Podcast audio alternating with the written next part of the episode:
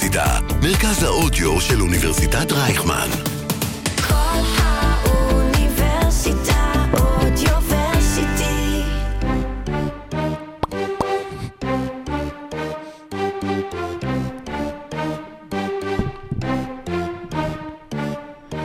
Double Deuce, זה הכינוי של אדם סנדלר בסרט החדש Hustle, שעלה לנטפליקס בסוף השבוע. סיפור על סקאוטר מוכשר מהסיקסרס, עם הרבה שחקנים מהליגה בהופעת אורח, ממתק צפייה לכל האוהדים. דאבל דיוס זה גם פעמיים שתיים, והתוצאה בסדרת הגמר שאותה ננתח היום בפרק, ויחד ננסה להבין. איך שכל אחת מהפיינליסטיות לא הפסידה שני משחקים ברצף בפלייאוף הנוכחי, גולדן סטייט יצא ממלכוד ה-2-2, ומה ג'ייסון טייטון, אבא של דיוס במציאות דרך אגב, צריך לעשות כדי להשאיר את המלכוד הזה בלתי פתיר. פרק 104 של עושים NBA, יצאנו לדרך. מי עושה את הזה? פיקי פיקי פיקי. יא. זה היה פרסום סמוי לנטפליקס, נכון?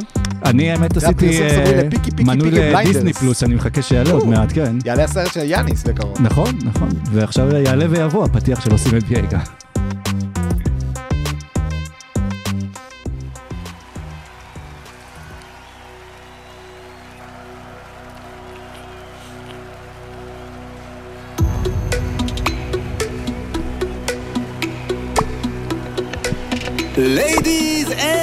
Gentlemen, welcome to OSIM NBA. Here are your starting five.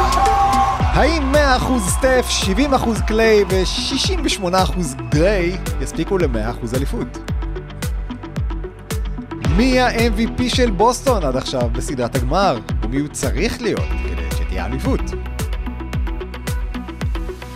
איך שני המאמנים מתמודדים עם הלחץ? ומה הם עוד יכולים לשלוף מהשרוול?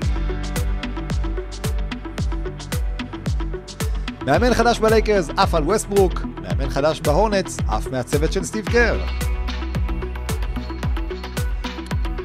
והמשך הוויכוח, 82 משחקים, כן או לא.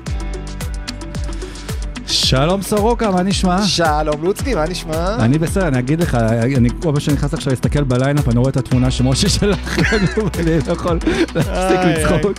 כן. אה, אנחנו נשתף את זה אחר כך ברשתות, אם או לא, עכשיו, מה קורה משה? הכל, אה, הכל טוב, אני עוד אה, מנסה לחשב 70 אחוז כפול 68 אחוז וזה, ויוצא לי 48 אחוז, ואני אני זכרת מחכה אחד בראש? ספרת אחד?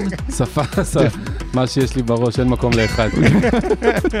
אז יפה, אז אה, טוב, אז אנחנו נפגשים אה, שוב ומשתדלים בתדירות כמה שיותר גבוהה אה, אחרי שהסדרה כבר אה, של אה, סדרת הגמר אה, של גולדן סטייט ובוסטון ב-2-2, אה, ובואו נצא לדרך, כי יש הרבה מה לדבר, היה כיף בשני המשחקים האחרונים.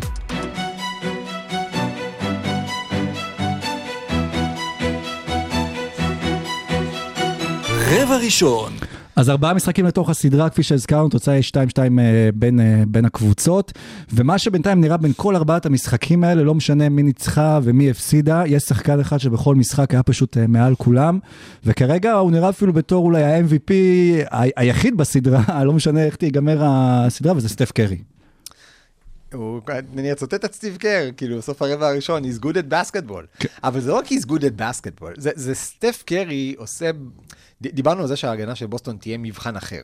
אה, תהיה משהו שגולדן סטייט לא פגשה, וזה אכן משהו שגולדן סטייט לא פגשה בפלייאוף הזה.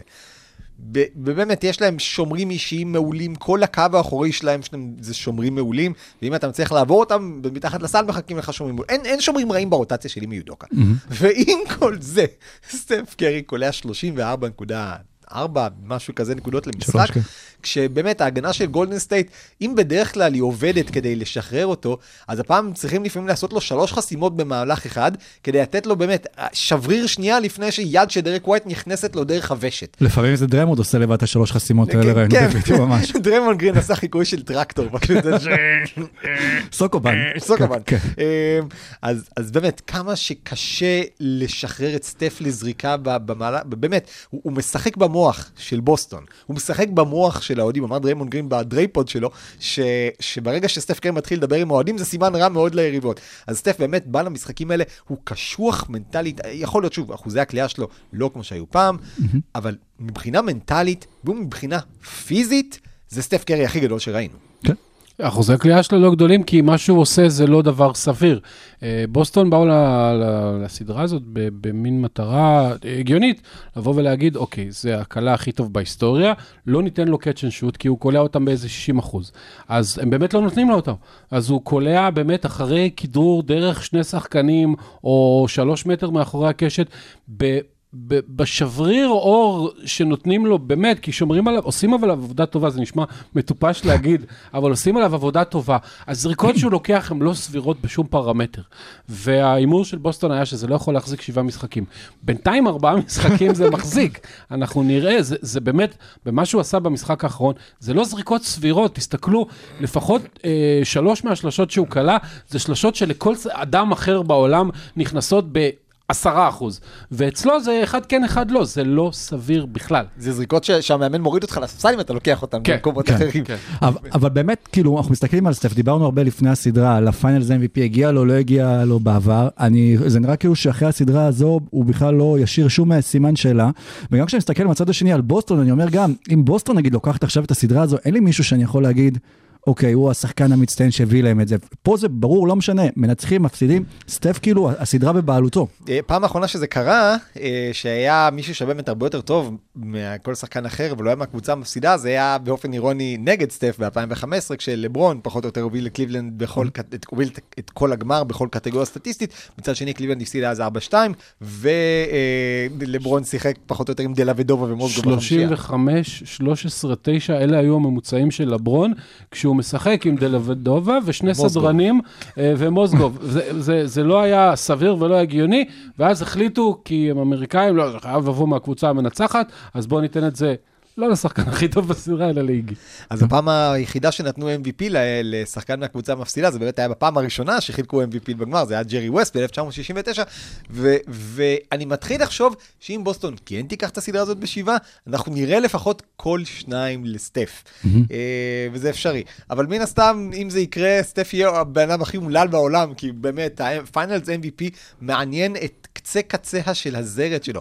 סטף קרי חייב לעשות את הדברים האלה כדי שלגולדן סטייט יהיה בכלל סיכוי לנצח. כן. אם הוא לא פנומנלי בסדרה הזאת, אז אנחנו כבר פחות או יותר ב sweep. וסטף עשה את זה פעם, וסטף עושה את זה גם היום, אבל עכשיו בואו נחלק את הרבע הזה לשתי אה, שני, זוגות של, אה, של צמדי שחקנים שאמורים לעזור לסטף, אלה שעזרו לו פעם, ואלה שאמורים היו לעזור להם, אבל יש להם אחרים אולי שמחליפים אותם. נתחיל עם קליי ועם דריימונד, הם מלווים את אה, סטף מתחילת השושלת, ובינתיים זה נראה שוב שהם לא מצליחים להיכנס לסדרה הזאת. דריימונד כמובן, אנחנו אף פעם לא מסתכלים רק על המספרים שלו, אלא על כל המסביב, אבל נראה שגם כל המסביב לא מתחבר, ושאפילו גולדן סטייט משחקת יותר טוב, כשדריימונד דווקא נמצא על הספסל. אה, אז כמו שאמרתי בפתיח, אנחנו רואים באמת 100% את כל הסטף experience, אבל לצידו אנחנו רואים מה שאנחנו יכולים לראות אחרי שהקבוצה שיחקה בחמישה גמרים רצופים, שקליי תומפסון בסדרה הזאת הוא בערך, בדרך כלל בפלייאוף הזה אני חושב שהוא היה בין 70 ל-80 אחוז, בסדרה הזאת הוא פחות או יותר 70 אחוז מהקליי תומפסון שהתרגלנו לראות, שזה אגב בסדר, בהתחשב בזה שהבן אדם קרע אכילס ורצועה ברגל ולא שיחק פחות או יותר עשור בין לבין. דריימונד גרין, אני אתמול בלילה לא, לא קמתי לכבות את המזגן בגלל שנמתח לי השריר מהקור של המזגן בתוך שינה, ופשוט ויתרתי ואמרתי מקסימום אני אקום חולה. בדיוק. אז, אז דריימונד, אני חושב, לא יודע, פחות מ-70 אחוז, 68 אחוז, 67 אחוז דריימונד ממה שהתרגלנו לראות, אבל שוב, בסוף, ובסוף כשאתה מסתכל על הנתונים שלו, וכשאתה מנסה להבין מה זה דריימונד גרין, אתה כן מסתכל על המשחק האחרון. שוב, התקפית, קטסטרופה בסדרה הזאת. אבל, אתה מסתכל, שמונה אסיסטים במשחק גמר, זה קשה, וזה משהו שעושים בדרך כלל פוינט גארדים. Mm-hmm. חמישה ריבאונדי התקפה במשחק גמר זה קשה, וזה בדרך כלל משהו שעושים סנטרים 2-13.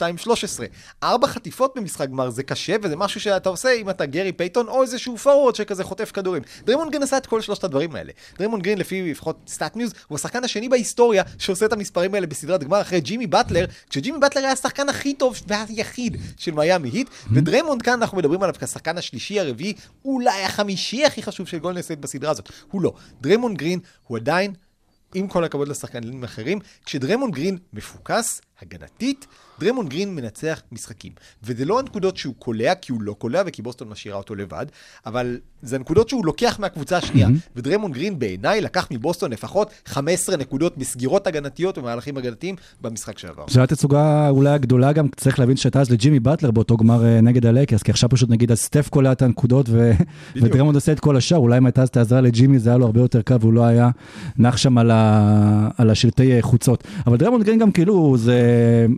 מפתיע אותי העובדה שהוא מנהל פודקאסט באמת במהלך, ה, במהלך הפלייאוף, ושהוא מקדיש לזה זמן, ומעלה דברים על סדר היום, כלומר, אני מבין כאילו מאיפה זה גם בא, כי ככה הוא יכול להתבטא חופשי בלי כל התיווך של התקשורת באמצע, אבל אני זוכר את לברון ג'יימס נגיד, כשהוא נכנס לפלייאוף mode, לא רק בפיינלס, בכלליות בפלייאוף, שהוא מתנתק מהרשתות החברתיות אה, לגמרי, שהוא לא מתעסק בשום דבר אחר, בכלליות גם רוב השחקנים המקצוענים משתדלים להתנתק מה, מהסביבה שלהם, או מכל מיני הסחות דעת למיניהם, ודווקא דרמונד אולי זה עושה לו יותר טוב. כן, הוא חי מזה, אבל uh, אני לא, אני, המספרים שהקראת הם נכונים, אין, אין מחלוקת, הם במשחק האחרון. Uh, דריימונד גרין נותן סדרה לא טובה ופלייאוף לא טוב, אוקיי?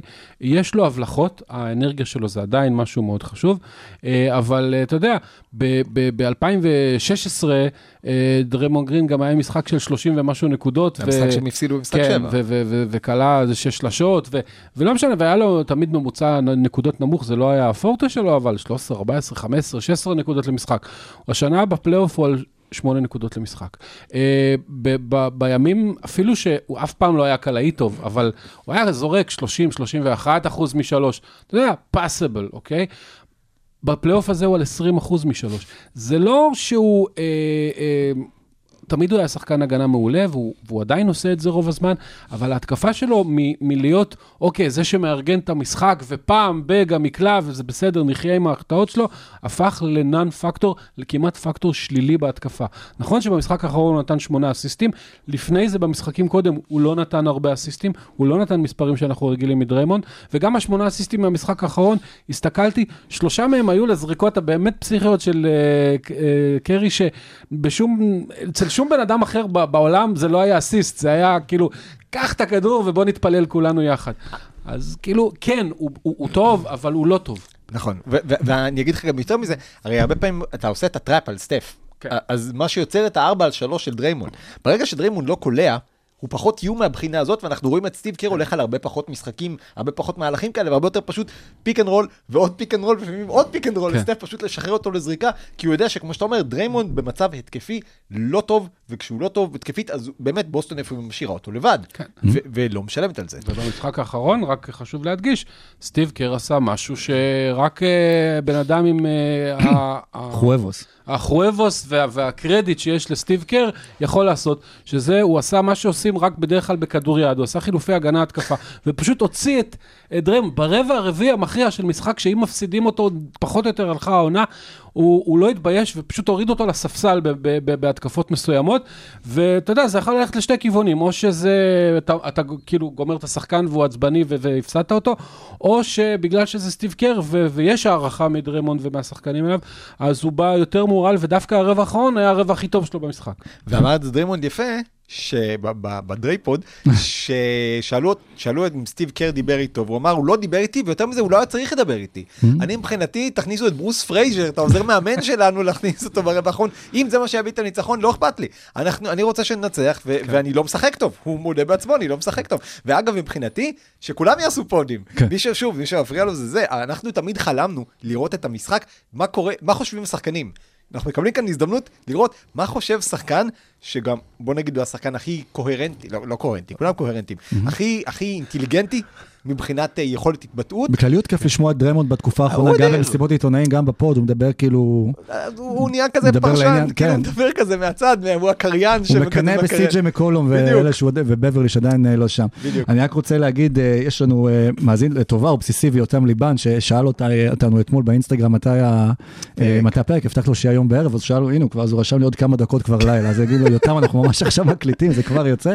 משחק הבא, אנחנו נשתדל. נעדכן, אולי למשחק הבא אנחנו נפגוש אתכם בצורה אחרת אה, אה, מיד אחרי המשחק. נעשה ככה, כמו לילארד. כן, כמו לילארד, אבל זה כן. ברבע הרביעי. אה, אבל- שדר את זה ב live, כמו נייט דנקן. כן. channel ב-nba.com. אובססיבי אחר, אבל זה בנוגע לזריקות לסל, זה, זה קליי תומפסון, שהוא כאילו אפשר להגיד שאולי קצת אה, פחות, בוא נגיד, אה, מרגישים שהוא תורם, הוא קולע את הנקודות שלו, אבל אה, פחות טוב מבחינה התקפית כמו שפעם התחיל בסדרה. אבל לפחות יש לו את ההגנה תמיד. שנשארת אצלו. הוא התחיל רע, שתי המשחקים הראשונים הוא לא היה טוב. משחק שלישי הוא כבר היה טוב בהתקפה, 25 נקודות, אה, אחוזים סבירים, אתה יודע, אה, היה לו הרבה החטאות, אבל 4 מ-10 מה-3, זה, זה נראה כאילו, או, הוא החטיא הרבה פעמים, אבל כאילו 4 מ-10 הלוואי על כל שחקן 40 אחוז, אה, ו- והזריקות שהוא לוקח בדרך כלל הן לא קלות, 25 נקודות, אחלה. ו- והבעיה הייתה ש- שמה שהיה חסר לגולדן סטייט זה לא בהכרח הקליי בהתקפה, כי, כי באמת קרי פנומנלי, היה חסר להם הקליי של ההגנה. וברבע האחרון של משחק 4, קליי נתן הגנה פנטסטית. לא ברור לי איך, כי זה המשחק היחיד, אגב, בסדרה שהיה רק יום מנוחה באמצע, והבן אדם, כמו שאמר סורוקה, לא שיחק איזה שני עשורים, ו- והוא שיחק 41 דקות, ועוד היה לו אנרגיה לתת את הרבע הכי טוב שלו בהגנה בסדרה, ברבע האחרון, כולל גם כמה סלים קשים, היה לו איזה turnaround מה, מהקו העונשין בערך, שהיה לא סביר ולא הגיוני, שהוא כמעט נפל אחורה. אה, ו- ו- והוא צר- קרי צריך את זה, כי מול קבוצה כמו בוסטון, כמה שלא יהיה פנומנלי, אם הוא לא יקבל עזרה בכלל, זה לא ייגמר טוב. אז אה, זה שהגיעה עזרה מקליי זה מעולה, וגם הגיעה עזרה מבן אדם שנדבר עליו עוד מעט. ורק נגיד עוד מספר אחד על קליי, עד כמה הוא לא טוב בסדרה הזאת, פחות מ-36% מהשדה. ו- ושוב, הגנתית הוא חזר לעצמו ברבע האחרון, אבל אנחנו רואים יותר ויותר ויותר, שוב, אני לא, לא אומר סופה של שלושלת, כן. אבל אנחנו כן רואים שחקנים שהם הם קצת אחרי השיא, והרבה פעמים אנחנו רואים איך זה נראה כשאתה קצת אחרי השיא שלך, אז הם קצת אחרי השיא שלהם, ורק על הרקע הזה, עוד יותר מדהים מה שעושה סטף. טוב, חכו, חכו אבל יום חמישי כשיגיע משחק מספר 6, ואז נראה אתכם אה, מדברים על, אה, על כן, קליי. כן. אבל, אה, אבל במקומם, אז שני שחקנים אחרים כן באים לעזרת, לעזרתו של סטף קרי, ולמרות שהזכרנו הרבה בפרקים את ג'ורדן פול, אז דווקא הפעם נתמקד בשניים אחרים. והראשון זה אנדרו ויגנס, ש... שהוא המשחק שהאחרון שעשה את זה בפיינל, זה היה לפני שנה, יאניס אנטטוקומפו, 17 נקודות, 16 אה, אה, ריבאונדים. מאיפה זה בא לו? כאילו בינתיים אנדרו ויגנס, מבחינתי, כמו שאני מסתכל על זה, אה, כתבתי את זה השבוע, הוא באמת משנה בעונה הזאת את כל, ה, את כל הסיפור שלו ואיך שתפסו אותו, כי עד עכשיו תמיד מוזכר בתור מספר אחד, בחירה מספר אחת מבוזבזת, אולי הוא היה נבחר במקום נמוך יותר, לא היו תופסים אותו ככה, וראינו את זה גם בגישה, ל- בעובדה כשהוא נבחר לאולסטאר. בזכות הקוריאנים אמנם, אבל הבחירה לאולסטאר והתצוגות שלו בפלייאוף, וספציפית התצוגות שלו בפיינלס, והעובדה שהוא בא לעזרת סטף, הוא כבר נראה גם פחות הטיפוס החייכן של פעם, הוא נראה ממש פוקוס וממוקד מטרה.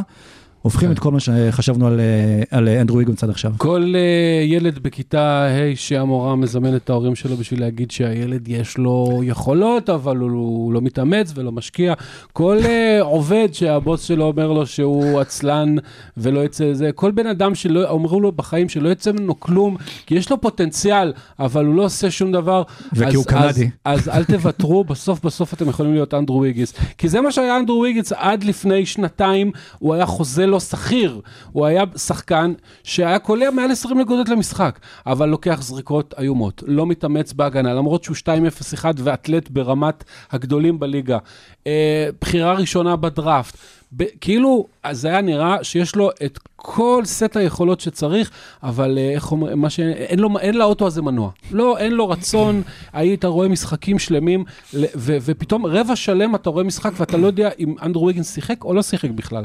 הוא היה שם, הוא לא היה שם, הוא פתאום נעמד בפינה, הוא פתאום לא עושה כלום. ומשהו במערכת של גולדן סטייט, משהו בצרחות של דריימונד ו- ובמוסר עבודה של אה, קליי וקרי וכל ה... זה, משהו שם הפך אותו, וצחקנו על זה שהוא נהיה אולסטאר, לא היה מגיע לו להיות אולסטאר. אבל, אבל בתור role player, הוא מצוין. במשחק האחרון הוא לקח 16 ריבאונדים. בחיים, אגב, שיא הקריירה שלו הוא 13 למשחק. היה 11 היה. של... שתי הקריירה שלו היה 13 פעם אחת באיזה, אוקיי. בלילה קר ביום שני בסטוק, אני לא יודע מתי הוא עשה את זה, אבל, ו, והוא שיפר את שיא הקריירה שלו בשלושה ריבאונדים במשחק של להיות או לחדול בגמר, והוא נות, הוא, הוא הפך להיות שחקן ה on-ball הגנה הכי טוב שלהם. יותר מדריימונד כנראה אפילו, מה שהוא עשה ללוקה הפך להיות בסיבוב אמין קודם. ועקבי. ואתה יודע, אה, אה, הוא, הוא, הוא גם נכנסה בו טיפה, סליחה על הנאום, אבל נכנסה בו טיפה קמצוץ אינטליגנציה, או ממנו מהמאמנים, הם אומרים כזה דבר. רגע, רוברט וויליאמס רץ בשביל לחסום כל דבר, אז בזמן שהוא רץ, אף אחד לא מתחת לסל. לך לשם, אתה 2-0-2 למען השם, קח ריבאונד. והוא עושה את זה. והוא עושה את זה, וזה מאוד מאוד חשוב לגולדן סטייט. לא רק on-ball defender, הוא- משחק הגנת off-ball מטורפת על ג'ייסון טייטום. שאנחנו נגיע לטייטום תכף ברבע. הוא וביאליצה. לא, הוא וביאליצה. וואו. אה, אנדרו ויגינס, ממוצע הקריירה שלו אה, בריבאונדים בעונה רגילה, הוא 4.4. מדהים. אנדרו ויגינס בפלייאוף 2022 הוא על 7.3 ריבאונדים למשחק. בשנים הראשונות שלו בליגה אמרו שהוא, בפוזיישן שלו, שזה פורוורד גדול וחזק, הוא אחד הריבאונדר הריבאונד- הכי גרוע בליגה. בדיוק. ו- והיה בסוף רבע שלישי, כשסטף ככה יורד וזה, וכולם אומרים, אוקיי, סטף רבע רביעי, זה לא סטף רבע רביעי, סטף עד עכשיו לא היה בסדרה הזאת בכלל ברבע רביעי. אז כולם אמרו, אוקיי, כמה דקות עכשיו סטף הולך לנוח. והיה ברור שעל שלוש, שתיים וחצי דקות האלה שסטף נח, אגב, סטיב קר בהחלטה מאוד מאוד חכמה, במהלך הראשון של סטף אחר כך על המשחק, על- הריץ תרגיל לג'ורדן פול, כדי שסטף ירוויח עוד חצי דקה מנוחה תוך כדי המשחק. אז... אמ, אז, אז היו שם, באמת, הייתה הזדמנות לבוסטון לברוח ככה ל-8-9 הפרש, ו-8-9 הפרש בגרדן ברבע הזה, זה, זה על היוסטור.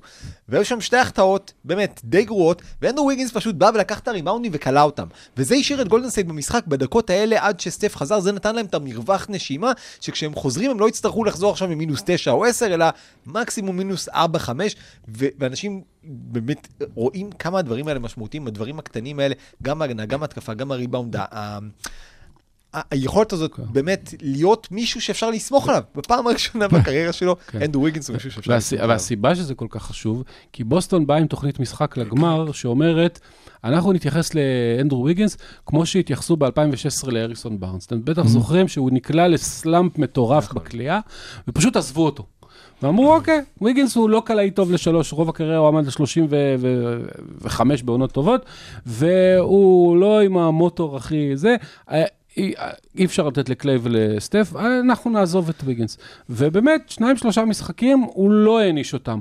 ועכשיו הוא מתחיל להעניש, וזה, אה, שוב, מאוד מאוד חשוב. זה כאילו, זה נשמע שבוסטון עושים את התוכניות הנכונות, אבל משהו משתבש תמיד. כן, ואם במקרה ואנדרו ויגנס לא ייקח את הריבאונד, אז יהיה כוכב אחר שיבוא לעזרתו לקחת את הריבאונד, וזה קוון לוני, שהוא כרגע גם זה שמחזיק את מדד הפלוס מינוס הכי גבוה בסדרת אה, הגמר הזו, ועוד כאילו... גולדן סטייט בנו על, אה, על וייזמן, אה, שבינתיים לא עושה קולות של אה, לחזור או לחזור. דווקא נראה טוב לא, באימונים. כן, אבל... אבל רע בקרב. גם, גם, גם אה, הוא זיון. קולע שלושות יחד עם בן סימונס. כן. זה כמו מתלוצץ עם רופאיו של כן, שחקן. כדורסל. נראה טוב מתלוצץ עם באימונים. דרור הנלן. כן. אז בא קוון לוני ופשוט מאוד לוקח כל כדור שניתז מהסל, לא משנה אם זה בהתקפה, לא משנה אם זה בהגנה, כדור בידיים שלו, משחקים pick and roll ים עליו, מסיים משחקים עם 100% מהשדה, 80% מהשדה, ונראה שגם שם הם די התמ- התבססו בעמדה הזו. ושוב, הפציעות איכשהו עוזרות לגולדן סטייט להצמיח שחקנים חדשים, וכל מי שחוזר מוזמן להצטרף לחגיגה. לוני כבר שם מתחילת הקריירה, כן? כן. שם כבר שש שנים, אה, משהו כזה, ו- ו- ונזכיר שהוא באמת היה שחקן לא טוב, הוא סיים את החוזה rookie והוא קיבל חוזה לשנתיים של 12 מיליון דולר בסך הכל, ועכשיו הוא נהיה שחקן חופשי. אז יש כאלה שאומרים, וואי, איך עכשיו לקחת איזה חוזה של... אה, מבחינת קוון לוני הוא לא יקבל קבוצה טובה יותר בגולדן סטייט, הזדמנות טובה יותר מאשר גולדן סטייט. כן, הוא יכול ללכת למקומות אחרים, אבל כל הגרביטציה שסטף קרי מושך שחקנים החוצה מהטבעת, זה מה שמאפשר לקוון לוני בעצם את, ה, את האפשרות לקחת ריבאונדים לא על שלושה שחקנים אלא על אחד, או על שניים. וקוון לוני הוא איש חזק, הוא איש מאוד מאוד אינטליגנטי, כן. והוא, אה, דיברו הרבה על רוברט וויליאמס כעתיד של עמדת הסנטר, ההגנה של קוון לוני. על גארדים ועל פורורדים חודרים בפלייאוף הזה, זאת הפתעה אדירה מבחינתי, ושוב, הוא תמיד היה שחקן בסדר, בסדר פלוס, בפלייאוף הזה מה שהוא עושה באמת מול שחקנים חודרים, פנטסטי. זה גם עוזר שלפני משחקים הוא טובל את הידיים בתוך סיר של סופר גלו, וקופץ לריבאונד עם זה, פשוט אה, לא, גם ריבאונדרים טובים, אז אתה- במאבק, וזה, ברגע שהוא נגע בכדור זה נצמד אליו. סטופ נגעתי, סטופ כדור. מגנט. וסוב הצהרות הטובות, מה גולדן סטייט עושה אז באמת, כמו שאתה אומר, בעוד אה, פחות מחודש, בוא נגיד, כששחקנים מתחילים אה, להשתחרר, וכל כך הרבה שחקנים טובים, כל כך מעט כסף לחלק. תראה, קוון לוני כלומר, יש הרבה כסף לחלק, אבל יחסית לזה. קוון לוני עכשיו אה, מסיים חוזה, אנדרו ויגינס וג'ורדן פול מסיימים בשנה הבאה, הרבה כאבי ראש, אבל... עוד יהיה לנו זמן לזה. עוד יהיה לנו זמן לזה, ובוב מיירס, אתה יודע מה, היא טבעת אליפות, שבאמת, שזאת יהיו הצהרות שלו, מה שנקרא.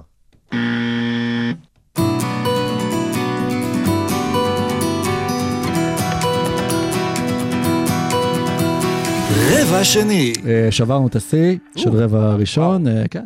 24, לא, האמת עם פחות פתיח, אתה יודע, אז כמה פחות, אסימפטוטה, כמעט מעל 20 דקות, אבל עדיין של רבע ראשון, אבל היה הרבה מה לדבר על גולדנסטייט, ויש גם הרבה מה לדבר אה, על בוסטון. הסדרה כשהיא חזרה לבוסטון, אנחנו דיברנו על זה שיכול להיות שאולי הקהל אה, קצת ישפיע בה- בהתחלה.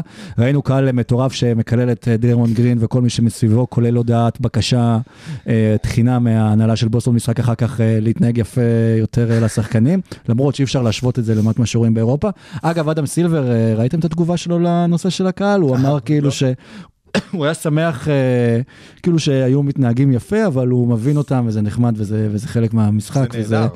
וזה ממש נהדר, ואני חושב שגם דריימונד אוהב את זה בתכלס, ו, וכל הסובבים אותו. אז במשחק הראשון זה אולי קצת עזר יותר, אה, ובוסטון באה באטרף ו- וניצחה את המשחק הזה, אבל מיד אחר כך, כמו שהתחלנו לדבר, אה, אף קבוצה לא מצליחה, אה, סליחה, מההתחלה. אף קבוצה לא מצליחה להפסיד פעמיים רצוף ב- בסדרה הזו, באה גולדנסטייט ומנצחת, וג'ייסון טייטום, אה, כזה כמו מד של אה, מישהו שמחובר אה, למכשיר לב, פעם למעלה, פעם למטה, ולא מצליח למצוא את האיזון. זה אומר אבל שהוא... אה, מתי למעלה? לא, יש משחקים שהוא... במשחק הראשון הוא נתן 13 אסיסטים, אז התעלמו מה-30% מהשדה שלו והמיליון החטאות. זה נראה כאילו ג'ייסון טנטום באמת מנסה לחקות את קובי, ואת המשחק הפנומנלי של קובי, ה-8-20-24 בגמר, כל משחק הוא נורא נורא קרוב, הוא 9 מ-23, הוא 8 מ-23, תסתכלו על הסטטיסטיקה, זה אחוזי קליעה אה, מחרידים. אבל זה מובן אולי בגלל שבוסטון, כמו שאמרנו בהתחלה, אפס משחק, ניסיונות במשחקי גמר לעומת 120 פלוס ניסיונות של, אה, של גולדן סטייט, אז זה הגיוני שזה יקרה. לא יודע, אה, הוא, זה לא היה נראה שהמעמד גדול עליו בסיבובים קודמים. סיבובים קודמים, הוא בכל סדרה נתן לפחות שני משחקים ממש ממש טובים. ב- בזה. עכשיו, אתה יודע, אה, בוסטון היא לא קבוצה קלאסית, אה, אה, לא, מנסים להשוות אותו לכל מיני, זה לא אה, דאלאס עם לוקה, זה לא קליבלנד עם לברון. אין שם מישהו ש... זה אפילו לא גולדן סטייט של קרי. ג'ייסון טייטום לא כל כך הרבה מעל החברים שלו, וסגנון המשחק גם שלהם לא מאפשר את זה. הבעיה של ג'ייסון טייטום, משהו קרה אה, לקליעה שלו משתיים. משלוש הוא קולע בסדר גמור, תסתכלו, הוא גומר משחקים 4 מ-8 מהשלוש ו-4 מ-19 מהשתיים. זה משהו לא הגיוני, אה, הזריקות שלו, הוא חזר קצת לסורו, פעם הבעיה הגדולה שלו הייתה שהוא לוקח יותר מדי זריקות טיפשיות מ-6 מטר ולא מסיים טוב מתחת לסל. והיה נראה בשנה האחרונה שהוא נפטר מהמחלות האלה והרבה פחות מהזריקות שלו שם, ויכול להיות שזה קרדיט מאוד גדול להגנה של גולדן סטייט, מגיע להם קרדיט, אבל הוא צריך לפתור את זה. שחקן ברמתו צריך לפתור את זה. למרות שראינו גם שהוא סוחב איזושהי פציעה בכתף אה, במהלך הסדרה שמאוד משפיעה עליו. ראינו סרטון חצי מלוכלך של דרמון גרין במאבק ריבאונד, ככה מושך אותו עם הכתף, יודע בדיוק אה, איפה הוא כואב לו, וגם דיברו על זה נראה לי, כשהתחילה הפציעה, שכשאתה שם את התחבושות האלה, כן. הצבעוניות, שאתה בעצם מושך אליך שחקנים שיתקפו את הכתף שלך, אבל הוא נראה הוא שהוא סובל קצת. אם אני הייתי-. כן. שחקן, הייתי שם את זה על הכתף הלא פצועה. כן, ואז היית נפצע בשתי הכתפיים. לא, אז בואו, תנו מכה. אה, אגב, כשאני עושה דברים רואים שאני חוזר לסורוקה. אה, ג'ייסון טייטום הוא... זה בבאר שבע, נכון? וכן. ג'ייסון טייטום הוא שחקן פנטסטי בפלייאוף הזה, הוא היה אמור להוכיח שהוא יכול להיות קווין דורנט, הוא, הוא ממש ממש מנסה, אני כן חושב שהפציעה בכתף מפ- מפריעה, ואני כן חושב שזה שגולדנסטייט שמה עליו, אה, גולדנסטייט ההגנה השנייה הכי טובה בליגה, מחליטה לשים עליו את שחקן ההגנה הכי טוב שלה, וגם כשהוא לא עליו, אז, אז אה, שמים עליו נניח את דריימונד גרין, או איגודלה היה קצת במשחק אחת, ו- ושחקנים אחרים שהם שומרים מצוינים, אז גם זה משפיע. כי ג'ייסון טייטום הוא, הוא בעיניי, והיה לנו היום דיון על זה קצת בקבוצת וואטסאפ, לעומת פול ג'ורג' מהפיק שלו, בעיניי, ג'ייסון טייטום כבר עכשיו עושה משחק יותר טוב מפול ג'ורג', וכבר עכשיו ראיית משחק יותר טובה מפול ג'ורג', ו- ואתה לא מגיע אף פעם למצב שג'ייסון טייטום, אתה אומר, אני אוריד אותו כי בלעדיו ואני אהיה טוב יותר. כי גם כשהוא לא קולע, הוא, הוא מוסר מעולה, הוא מוצא שחקנים פנויים בזוויות, ב- בהחלטה של רגע, לא ברמה של דונטיץ', כי כרגע דונטיץ' אולי רמה מעל כל הליגה, או יוקיץ', או שניהם, חצי רמה מתחת. והוא שומר טוב מאוד עדיין, והוא ריבאונדר טוב, ו- והוא כן עושה המון המון דברים שהם מסביב.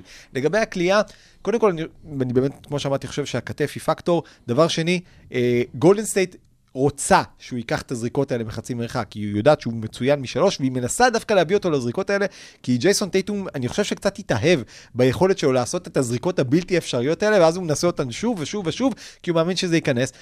ושוב, כמו שאמרנו על השלושות של סטפ, זה לא זריקות שבן אנוש רגיל כאילו אמור לקחת והן ייכנסו באחוזים גבוהים. אז מתישהו הסטטיסטיקה קצת מתיישרת, ואין לו עדיין את התנועה בלי כדור שיש לסטף, ברגע שזה יקרה, יכול להיות שזה גם ישתפר, ועדיין בוסטון לא בנויה לעבוד בשביל טייטום, כמו שגולדן סטייט יודעת לעבוד בשביל סטף. כלומר, היא יודעת לעבוד בשביל טייטום, אבל גם בשביל כל שאר הקבוצה. זה לא שעכשיו כל ההתקפה של בוסטון תזוז, כדי שג'ייסון טייטום יקבל את הזריקות שלו. אוקיי, אז, אז דיברנו גם בתחילת הפרק הזה שכל עוד זה ברור שסטף בינתיים השחקן מוביל בסדרה, לא משנה על איזה קבוצה אתם מסתכלים, מי השחקן המוביל אצל בוסטון, ול-NBA מתפרסם איזשהו אה, דירוג כזה של אה, סטטוס של אה, דירוג finals אה, כל הזמן, של MVP, כרגע סטף במקום הראשון, אנדרו ויגנס, שתבינו, כאילו מדורג שם כרגע השני בדירוג של ה-NBA, במקום השלישי, מי שכן הנציג המוביל של אה, בוסטון, וזה גם כן. מתבטא בסדרה, זה, זה ג'לן בראון, שאולי עושה את זה עם הפחות רעש של טייטום, אולי זה גם נוח לו לעשות את זה, כאילו, כשכל הרעש ילך לטייטום והוא... ג'יילן בראון. אה, הולך ומשתפר במהלך הפלייאוף הזה, והוא מגיע לגמר ביכולת הכי טובה שלו כנראה מכל הסדרות. וג'יילן בראון, אה, הוא, אה, יש לו אה, קצת irrational confidence, הוא, הוא, הוא חושב שהוא יותר ממשהו, ו, ומשהו זה די הרבה, כן? אז, אז זה לא כזה דבר רע. אה, הוא, הוא לא מכדרר מצוין, אז כל פעם, כל פעם שהוא עושה חדירות מוזרות, הרבה פעמים זה נגמר בעיבוד. והוא לא קלעי על, אבל הוא לוקח זריקות מתי שהוא רוצה, ו, וכשזה הולך לו, אז, אז זה הולך לו. ובפלייאוף הזה, בשתי הניצחונות הוא היה פנטסטי. בשתי ההפסדים יש עוד uh, מה לשפר, אבל אין ספק שמתוך, uh, זה, זה מצחיק להגיד ש, שאין אף שחקן בולט בבוסטון בינתיים כרגע. יש שחקנים שהיה להם רבע בולט, משחק בולט. אין אף שחקן בולט. הכי קרוב לזה, זה באמת ג'יילון בראון, שגם uh, uh, עושה עבודה טובה בהגנה, וגם לוקח נטל התקפי כשלא נכנס לטייטום כלום. אבל זה לטוב או לרע, כי בלי שאין אף שחקן בולט הם הצליחו להשיג שתי ניצחונות, היו אפילו בדרך לשלוש אחת, אם לא סטף מתחיל, מחליט שהמשחק הזה לא, לא ייגמר בהפסד, וכאילו זה עובד להם סבבה ככה. על פניו אם ג'לן בראון אולי לא פותח את רבע ארבע של משחק אחד באיזה עשר נכון. נקודות בשלוש דקות, יכול להיות שגולדן סטייט מנצחת במשחק הראשון, ואז אולי הכל היה משתנה. אז ה what if הזה של סטף זה בעיניי כמו ה what if של של לא, לא את הסטף, סטייט אני אומר, ב- אבל מבחינת בוסטון אולי זה דווקא סבבה לה ככה שאף אחד אה, לא מתבלט יותר מדי. ואם משה אמר שגם בכל סדרה עד עכשיו היה לג'ייסון טייטום איזה שני משחקים מאוד טובים שהוא השתלט, אז יכול להיות שיש לו עדיין את השני משחקים האלה וזה בדיוק מה שחסר. אני מאמין שבאמת עוד יש לו משחק כזה, אבל ג'לן בראון בינתיים, הוא, הוא באמת קולע טוב, ויש לו הרבה רבעים בודדים שבהם הוא נותן פתאום איזה 15 נקודות, או, או 20 נקודות בנקודות. הוא מתחיל מאוד חזק משחקים. מתחיל מאוד חזק, או סיים את משחק אחד כמו כן. שצריך, ו... ושוב, בראון הוא, הוא תיאורטית השחקן השני, אז אם ג'לן בראון הוא השחקן השני הטוב שלך, הטוב ביותר שלך, הוא שחקן, מצבך מצוין, כמו שאנחנו עם בוסטון בגמר, וג'לן בראון באמת נותן דברים טובים. העניין עם ג'לן בראון, שכמו שדיברנו על זה שיש את ויגינס ששומר על ג'ייסון טייטום, אז על ג'לן בראון רוב הזמן שומר דריימונד גרין, שזה התשה פיזית ונפשית. מנטלית. לאחד, ופיזית ומנטלית, כן, פיזית אה, פיזית ונפשית ומנטלית אותו דבר. בקיצור, זה לא קל לחיות כשדרימונד גרין יושב לך בתוך הראש, ו... ו... וזה קשה, אבל בואו נעמד בזה בינתיים אה, יפה. אגב, אני משתעשע. ברעיון שאם בוסטון עכשיו הייתה אלופה, מבחינתי ה-MVP של הגמר אני נותן. לטיימלורד. כן. אה, כי לדעתי הוא השחקן הכי משפיע שלהם עכשיו, ואתם יודעים גם מה האחוזים שלו מהשדה, הוא בקושי זרק, כן? כן, אבל הוא, כן, הוא כל? משחק על חמש משש או משהו כזה. 92 אחוז כן. מהשדה בגמר, אבל... אה, טוב, זה חמש משש. זה לא רע. 12 לא, מ-13. סתם, זה לא. אה, אגב, דיברת על trash talk, אז אני רק אגיד, זה לא ספוילר, אבל צפו ב Hustle, ושם באמת אנטוני אדוארדס בתפקיד, באמת, שהוא כוכב הוליוודי, עושה שם trash talk שהרבה מתווכחים על זה בטוויטר, אם זה באמת מתוסרט או לא. זה אוקיי. קטע טיימלורד, ענק. אגב, במשחק שלוש באמת היה עם הפלוס מינוס הכי גבוה, אם אני זוכר נכון, ורק ב-25 דקות, אה, אבל אה, במשחקים 1 ו-2 הוא לא היה ממש קיים. אה, ושוב, הבעיה היא במשחק 4, שחוזר לטיימלורד הביטחון והוא מתחיל לעוף לפינות בשביל לחסום שחקנים, אז הבעיה היא. שמישהו... טייטום, או בראון, או מישהו צריך לחפות, או, או הורפורד, אבל הם לא תמיד משחקים, בגלל, דווקא בגלל שדרק ווייט היה טוב בסדרה הזאת, אז הוא משחק הרבה יותר דקות, ואז כשאתה, כשהטיימלורד עף לצדדים, אה, לפינות, מה שלא קורה עם הורפורד, אז, אז הצ- הצבע מופקר קצת, וכבון לוני וויגינס חוגגים. וגם גולדן סטייט מצליחה להרחיק אותו מהאקשן במחצית כן. השנייה, כי בחצי הראשון הוא היה מצוין. ברגע שמצליחים לשחק על הצד השני שלו בדיוק. מצד לצד, אז הוא באמת פחות אז אפקטיבי. בוסטון מגיעה במשחק אה, מספר 5 חזרה ל- לגולדן סטייט, שוב, תנסה לא להפסיד אה, פעמיים אה, רצוף בסדרה, אבל זה כאילו נראה שעכשיו זה קצת יהיה הרבה יותר קשה, כשזה באמת מגיע לרגע האמת, וכל הניסיון של גולדן סטייט אה, אולי יבוא לידי ביטוי אה, אה, בבית. מה בוסטון צריכה לעשות במשחק הזה, שכאילו שלא- בשביל לקחת עוד ניצחון חוץ? אם אני לא טועה, כי דווקא בפלייאוף היא בסדר עם משחקי חוץ. אם אני לא טועה, בוסטון הפסידה בבית בפלייאוף הזה יותר ממה שהפסידה בחוץ. כן. אה, אני חושב שזה משהו כמו נשמע 4-2, הגיוני, אני. אני, אני אבדוק, אבל אה, ממש כאילו, אה, הביתיות כנראה לא, לא משחק אצלם, או בגלל שהם יחסית צעירים, אה, דווקא הקהל הביתי זה משהו מלחיץ, ואני לא יודע. שתי הקבוצות, כל פעם מנצחות אחרי שהן מפסידות. אז, אז, אז אתה יודע, היו-יו הזה... היידו אמר בפרק הקודם, לא- אין לי בעיה שזה ימשיך כן, ככה עד זהו, הסוף. זה לטובת בוסטון, זה לאיידו אין בעיה, 22. לאיידו אין בעיה, אבל שוב, תיאורטית, אה, דיברנו עכשיו שני רבעים על, על, על גולדסטיין ובוסטון, וזה נראה כאילו בגולדסטיין יש לא מעט דברים שקורים לטובה עכשיו, ובוסטון... אף אחד לא ממש בולט, אני- ופה אני- חסר, ופה זה, אני אגיד לך יותר. ועדיין, שתיים, הם שתיים. היו, הם היו שתי דקות, אה, אה, אתה יודע, הם, הם הובילו עד שתי דקות מהסיום של המשחק הארבע. זה, היה, זה נראה כאילו בוסטון צריכה קצת משהו שיעבוד לטובתה, וזה גמור. דיברנו על זה שיש להם שבעה שחקנים וחצי שאולי בתוך הרוטציה, לעומת באמת גולדנט, זה שאנחנו רואים שכל פעם מישהו אחר עולה ותורם, אבל דווקא עכשיו זה היה כאילו לבוסטון יש חמישה שחקנים ברוטציה באמת ש- שבאים לידי ביטוי, אולי ארבעה שחקנים אה, אה, וחצי, אז כאילו, איפה השחקנים שצריכים להתעלות? איפה גרנט וויליאמס ייתן כמה משחקים טובים? איפה פייטון פריצ'רד שייתן עוד כמה משחקים אה, טובים? מי עוד לא הזכרתי שם? בגדול, זאת, הרוטציה, כן? בוסטון. ד- יש לנו את סמארטפורד, הצמד סמארטפורד, כן. שבפעם הראשונה בעצם, אני לא זוכר הרבה משחקים שמרקוס סמארט היה טוב ובוסטון הפסידה. ו- וזה נראה כאילו איכשהו באסוציאטיבית, אנשים אמרו, ככה זה כשמרקוס סמארט לוקח את כל הזריקות של בוסטון ברבע האחרון, אז הם מפסידים. מרקוס, זה מה שקרה כמעט נגד מיאמי. ומרקוס סמארט, הוא הוא לקח בסך הכל שתיים מתוך שמונה הזריקות, אגב, שתיהן ברצף, לדעתי באותה התקפה, הוא אכן החטיא את שתיהן. אז מרקוס סמארט, פנטסטי, באמת, אין מילים לתאר כמה הבן אדם הזה הוא, הוא נשמה והוא קופץ והוא, כן, שוב, אי אפשר באמת להגיד שהוא עושה עבודה טובה על סטף, הוא עושה עבודה טובה על מי שהוא שומר עליו, הוא נכנס לאנשים לתוך הנשמה, הוא מוציא להם כדורים מתוך המעי הגס, ובאמת, הוא נותן כל מה שבוסטון יכלה לקוות שהוא ייתן. אבל מרקוס סמארט, אם אתה מגיע לזה, הרי בוסטון... ויתרה על שרודר, ויתרה על ווקר, ויתרה על כל רכז אחר ונתנה לסמארט את הכדור כי הוא רכז של passing first. בסוף רכז של passing first זה גם כי הוא passing first, וגם כי המנטליות שלו זה קבוצתית, אבל גם כי מרקוס סמארט הוא לא קולע טוב. באורך הקריירה. הוא, הוא קולע בסדר, הוא גם משתפר השנה, אבל להשאיר את מרקוס סמארט, ברגע שאתה נותן למרקוס סמארט לנצח אותך בהתקפה, יש סיכוי לא רע שאתה תצא מזה מנצח. וזה מה שגולדן סטייט עושה, זה מה שמיאמי עשתה במשחקים הקודמים, אז מבחינה הזאת אולי ווייט, שבאמת נראה מצוין בעיקר מאז שהפך לאבו הנדריקס, אולי פריצ'רד כן יפתיע, אולי אה, מישהו אחר. בוסטון, שוב, הם, הם נותנים סדרה מצוינת עד עכשיו עם כל מה שדיברנו עליהם, אבל אה, הם, הם יצטרכו... אה, שוב, הם- כמו שאתה אומר, הם צריכים 20 מפה ו-15 משם, ופתאום איזה מישהו אחד שיתעלה עם איזה ווייט עם איזה 10 נקודות, ופריצ'רד שייתן איזה שתי שלשות, והם יהיו בסדר, הם בסוף מוצאים מאיפה להביא את עכשיו הנקודות בגללך האלה. לא יוצאת לי מהראש התמונה של אה, התספורת של דרק ווייט. אה, עכשיו יש לו האורגני. של אה, ג'וליאון לסקוט, לא משנה, cross pod כזה. אה, אה. אנחנו מדברים על סמארט שלא קולע ועל טייטום שלא קולע ומלא שלא קולעים. אתם יודעים מה אחוזי שלשות של בוסטון בסדרה הזאת? 40? 42 וחצי. אז כאילו, אה, אה, אה, הם לא קולעים... זה הכל הורפורד, נראה לי. אה, זה, כאילו, זה, נראה ש... אגב, גולדן סטייט על- עם כל הגדולה של אה, קרי, על 38% בלבד מהשלוש. אז זה נראה כאילו בוסטון לא קולעים. משלוש הם קולעים. זה, שבפנים יש להם בעיה. אגב, בכל הפרמטרים הסטטיסטיים, אה, אפילו בריבאונד שנראה, אה, כבון לוני וויגינס וזה, גם שם הם שווים. בכל פרמטר. יש רק פרמטר אחד שבו גולדן סטייט מובילה בהרבה, וזה חטיפות.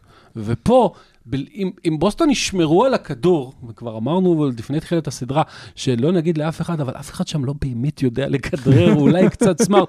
כולם נראים, כאילו טייטום ובראון נראים כמו שחקנים שהם מכדררים, אבל כשהם נכנסים פנימה לתוך היער, משהו רע קורה.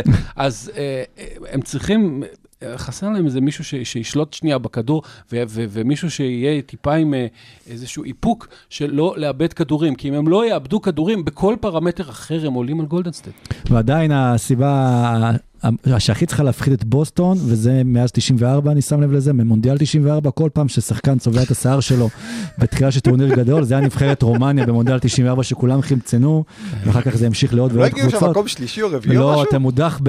אז הם הודחו ב- ב- ב- בבתים בצורה אתה מושפעת. התבלבלת אה, זה היה בולגריה, בולגריה שוודיה. ושוודיה, שהיו איתנו לא, בבית. אני בולגריה ושוודיה. בולגריה, בולגריה. עשתה תיקו השבוע עם גיברלטר, זה מאוד חשוב לי להגיד את זה. אני היית יודע שזה פוד בגיברלטר, כדורסל. לא? היית באיזה גרתי תקופה. שם, גרתי שם תשע שנים, ובאמת נבחרת גיברלטר זה זה קבוצה שתפסיד היום ל- ל- ל- לבני יהודה, אם התרנגול עולה קשר 50-50. רק שתבינו שבגיברלטר יש פחות אזרחים ממה שיש אה, שחקנים ברוטציה של בוסטון. אה, לא יודע מה עם התרנגול, אבל לפחות זאת תהיה קבוצה עם ביצים. נתון למזוג לי איזה כוס אה, וויסקי לא? אתה שיעשו רוצה לכם איזה שכל. מיזון האורגני? קוניאק, אני רוצה קוניאק. אז אה, נתון ורבע, אנחנו עם אה, נתונים מסדרת הגמר, וקבלו את הנתון הבא. סטף קרי הוא הרכז הראשון מאז ג'רי ווסט ומג'יק ג'ונסון, שמסיים משחק Finals עם לפחות 40 נקודות ועשרה ריבאונדים. קבלו נתון. סטף הוא גם השחקן השלישי בהיסטוריה שמסיים עם הנתונים האלה ב Finals אחרי שעבר את גיל 34. קדמו לו אחד לברון ג'יימס ואחד מיכאל ירדן. קבלו נתון שמתמצת את שתי הרבעים הראשונים שדיברנו עליהם. ממוצע הנקודות של סטף קרי בסדרת הגמר, 34.3, גבוה יותר מאחוז השדה של ג'ייסון טייטום בסדרת הגמר, 34.1. יפה, אז קבלו את הנתון הבא, ממוצע הנקודות של סטף, כמו שמשה הזכיר רגע בסדרה, גם גבוה יותר אה, מהממוצע המשותף של שני הקלעים מגולדן סטייט שאחריו ברשימה. אלה קליי תומפסון ואנדרו ויגנס, שיחד הם כוללים 33.8 נקודות במשחק. ה-34.1% של טייטום קבלו נתון, הוא גם הנמוך ביותר בהיסטוריה של סדרות גמר לשחקן שלקח לפחות 20 זריקות למשחק. הנה הימור, זה עוד יהיה גבוה יותר. יפה. בשמונה העונות הראשונות שלו, אל הורפורד לקח 21 שלשות בלבד, קלה, סך קלה. הכל, קלה, סליחה, שלש, 21 שלשות בשמונה עונות. בפלייאוף הנוכחי הוא כבר על 40 שלשות. יפה, זה מסביר את זה האחוזים מאוד שדיברת. ברוק לופזי מה שהוא עושה. ממש. קבלו את הנתון הבא, ג'ייסון טייטום אה, מדורג במקום החמישי במספר השלשות בסדרות גמר לפני גיל 25 עם 14 שלשות. שלשות. במקום הראשון, ביג שוט בוב. רוברט אורי עם 22 שלשות, אורי עשה את זה ב-11 משחקים, טייטום בינתיים רק עם 4 משחקי גמר. ועוד אה, יעבור את זה אולי בינתיים, שחקנים שקלעו לפחות 70 שלשות בעונה פלייאוף אחת, קבלו נתון, ג'ייסון טייטום פעם אחת, קליי תומפסון פעמיים, סטף קרי, חמש. זה הרבה. קבלו נתון, ה offensive rating של הווריירס בגמר עם סטף קרי 122.8. מדרג אותם במקום הראשון העונה, אם זה היה חלק מהעונה הרגילה. ללא סטף קרי, הם יורדים מ-122 ל-91, שהיה מדרג אותם אחרון ב-50 השנה האחרונות. זה טוב? אה, פחות. לא רע. כן. אה, קבלו נתון, מצד שני ה defensive rating של גולדן סטייט טוב יותר, בשמונה וחצי נקודות דווקא, כשדרמונד גרין על הספסל. small sample size. small small, smallball. אה, קבלו נתון, הווריורס עם CNBA חדש ניצחו לפחות במשחק חוץ אחד ב-27 סדרות פלייאוף רצופות. זה יפה, וגם אה, הווריורס במאזן של 6-0 בפלייאוף הנוכחי אחרי הפסדים. זאת אומרת, כל פעם שהם הפסידו, הם ניצחו את המשחק הבא. וגם בוסטון. כן, אבל הווריורס עושים את זה כבר מחודש מרץ, אז אה, כמו שאמרנו, משחק מספר 7 זה הולך לכיוון אה, של בוסטון בינתיים, נכון? זה החישובים. ככה זה נראה. כנראה שכן. מה שכן, בשביל זה, כל הקבוצות יצטרכו לנצח בחוץ, מעכשיו ועד עולם. זה בדרום הדולם, נכון? הדולן זה לא החומר הזה. ששמים בדולן? הדולם, רבע שלישי. זה במלחמת המפרץ, היית מזריק הדולם. וטרופין, לא? הכי חשוב, לא אה, להזריק נכון, הטרופין. נכון, נכון. הדולם הוא להזריק הטרופין. הדולם זה במכון מכון גמילה מהצפון. אתה כבר מתבלבל. מרוב כל המערכונים. אה, טוב, רבע שלישי, דיברנו על אה, השחקנים הפעילים, אבל יש גם את הבמאים אה, שצריך להזכיר ואת האנשים שמאחורי הקלעים, אז בואו נתחיל לדבר על המאמנים, ובואו נתחיל עם סטיב קר, שגם התח- התחלנו כבר בפרק הזה לשבח אותו, אה, על הקרדיט שהוא מקבל אה, מהניסיון שלו ומהיחס של השחקנים, שהוא יכול לספסל שחקנים כמו דרמונד גרין, ואם דיברנו על הניסיון של שחקנים בסדרות גמר, אז אני חושב שגם הניסיון של המאמנים בא לידי ביטוי, וסטיב קר שולט בסדרה הזו גם כשהקבוצה שלו פחות טובה על המגרש. סטיב קר שולט בקבוצה שלו, כן. אה, גם כשהיא לא טובה. אה, דיברנו הרבה על הניסיון וחוסר הניסיון של בוסטון. לבוסטון, בוא נגיד את זה ככה, אין להם ניסיון בסדרות גמר, זאת קבוצה שהייתה בשלוש או ארבע סדרות גמר אזורי לפני כן עם השלד הזה. כלומר, זו לא קבוצה לא מנוסה. לא מנוסה בסדרות גמר זה בסדר, אבל כשאתה משחק בסדרת גמר אזורי נגד לברון ג'יימס, זה לא מאוד שונה מאשר להיות סדרת גמר, ויש סיבה שלברון ג'יימס היה מנצח את המזרח כל פעם שמונה שנים רצוף. אז, אז שוב, בוא נוריד רגע מהשולחן את בוסטון לא מנוסה. אימה יודוקה לעומת זאת, עדיין פחות מנוסה בסדרות גמר, וזה בסדר, הוא רוקי. סטיב קר לקח את סדרת הגמר הראשונה שלו כשהוא היה מאמן רוקי. אבל למה הוא לא גם מאמן אה, רוקי מהצד השני? נכון, רוקי בכלל היה בליגה. רוקי בליגה, כן. אבל גם היה לו איזה שלוש דקות של ניסיון לפני כן לדיוויד בלאט. אז אה, סטיב קר, הוא הוא באמת שולט בקבוצה שלו בצורה אבסולוטית, ברמה שלא אגיד שכל מהלך שלו זה בינגו, כי למשל לפתוח עם קיוון לוני אה, אה, על הספסל עם אוטו פורטר כדי to unlock דריימונד גרין, ודריימונד גרין נשאר תקוע בבגאז' מבחינה התקפית, אז זה לא עזר, ובוסטון לא היה רחוק שהיא תפתח פתאום עוד איזה 19-6, ואז גולדן סטייט עוד פעם צריכה לרדוף אחרי המשחק שלהם. אז במובן הזה, אני חושב שהייתה טעות אה, לפתוח עם פורטר, אני עדיין חושב שהוא לא שלף את האס האחרון שלו מהשרוול. אני לא, שוב, אני, השחקנים שמשחקים הם טובים. אני רוצה ואני חושב שעוד נראה מישהו שעדיין לא שיחק דקה משמעותית בסדרה הזאת, נכנס לעניינים, ואני מבקש את זה במשחק 2, תביא לנו קצת קומינגה. כי אוטו פורטר ג'וניור עד עכשיו בסדרה הזאת לא פקטור. איגודלה הוא ניסה אותו במשחק אחד, לא פקטור. אני חושב שלקומינגה, אם אתה מסתכל על, על ה... שוב, אין לו מן הסתם ניסיון, אבל כן ברמה של האגרסיביות, של האתלטיות, הוא יכול לתת כמה דקות טובות של הגנה פה ושם, וחטיפה או שתיים, ובטח אם זה הולכים עכשיו משחק חמש, ראינו כבר את קרי, את, את קר, ב, ב, אם אני זוכר נכון, זה היה או נגד ממפיס או נגד דאלאס, בשלב מסוים פשוט מכניס, אה, מודי מכניס פתאום את אה, קומינגה ברבע שני כדי לראות אם זה עובד לאיזה 2-3 דקות, והוא מרוויח אותם ככה לשאר הסדרה. והסדרה הזאת הולכת להיות מתישה, אם אנחנו מגיעים למשחק 7, זה אומר שהם צריכים לעבור את כל ארה"ב שלוש פעמים עכשיו, לסן פרנסיסקו ולבוסטון ולסן פרנסיסקו, וזה חבר'ה שהם עייפים.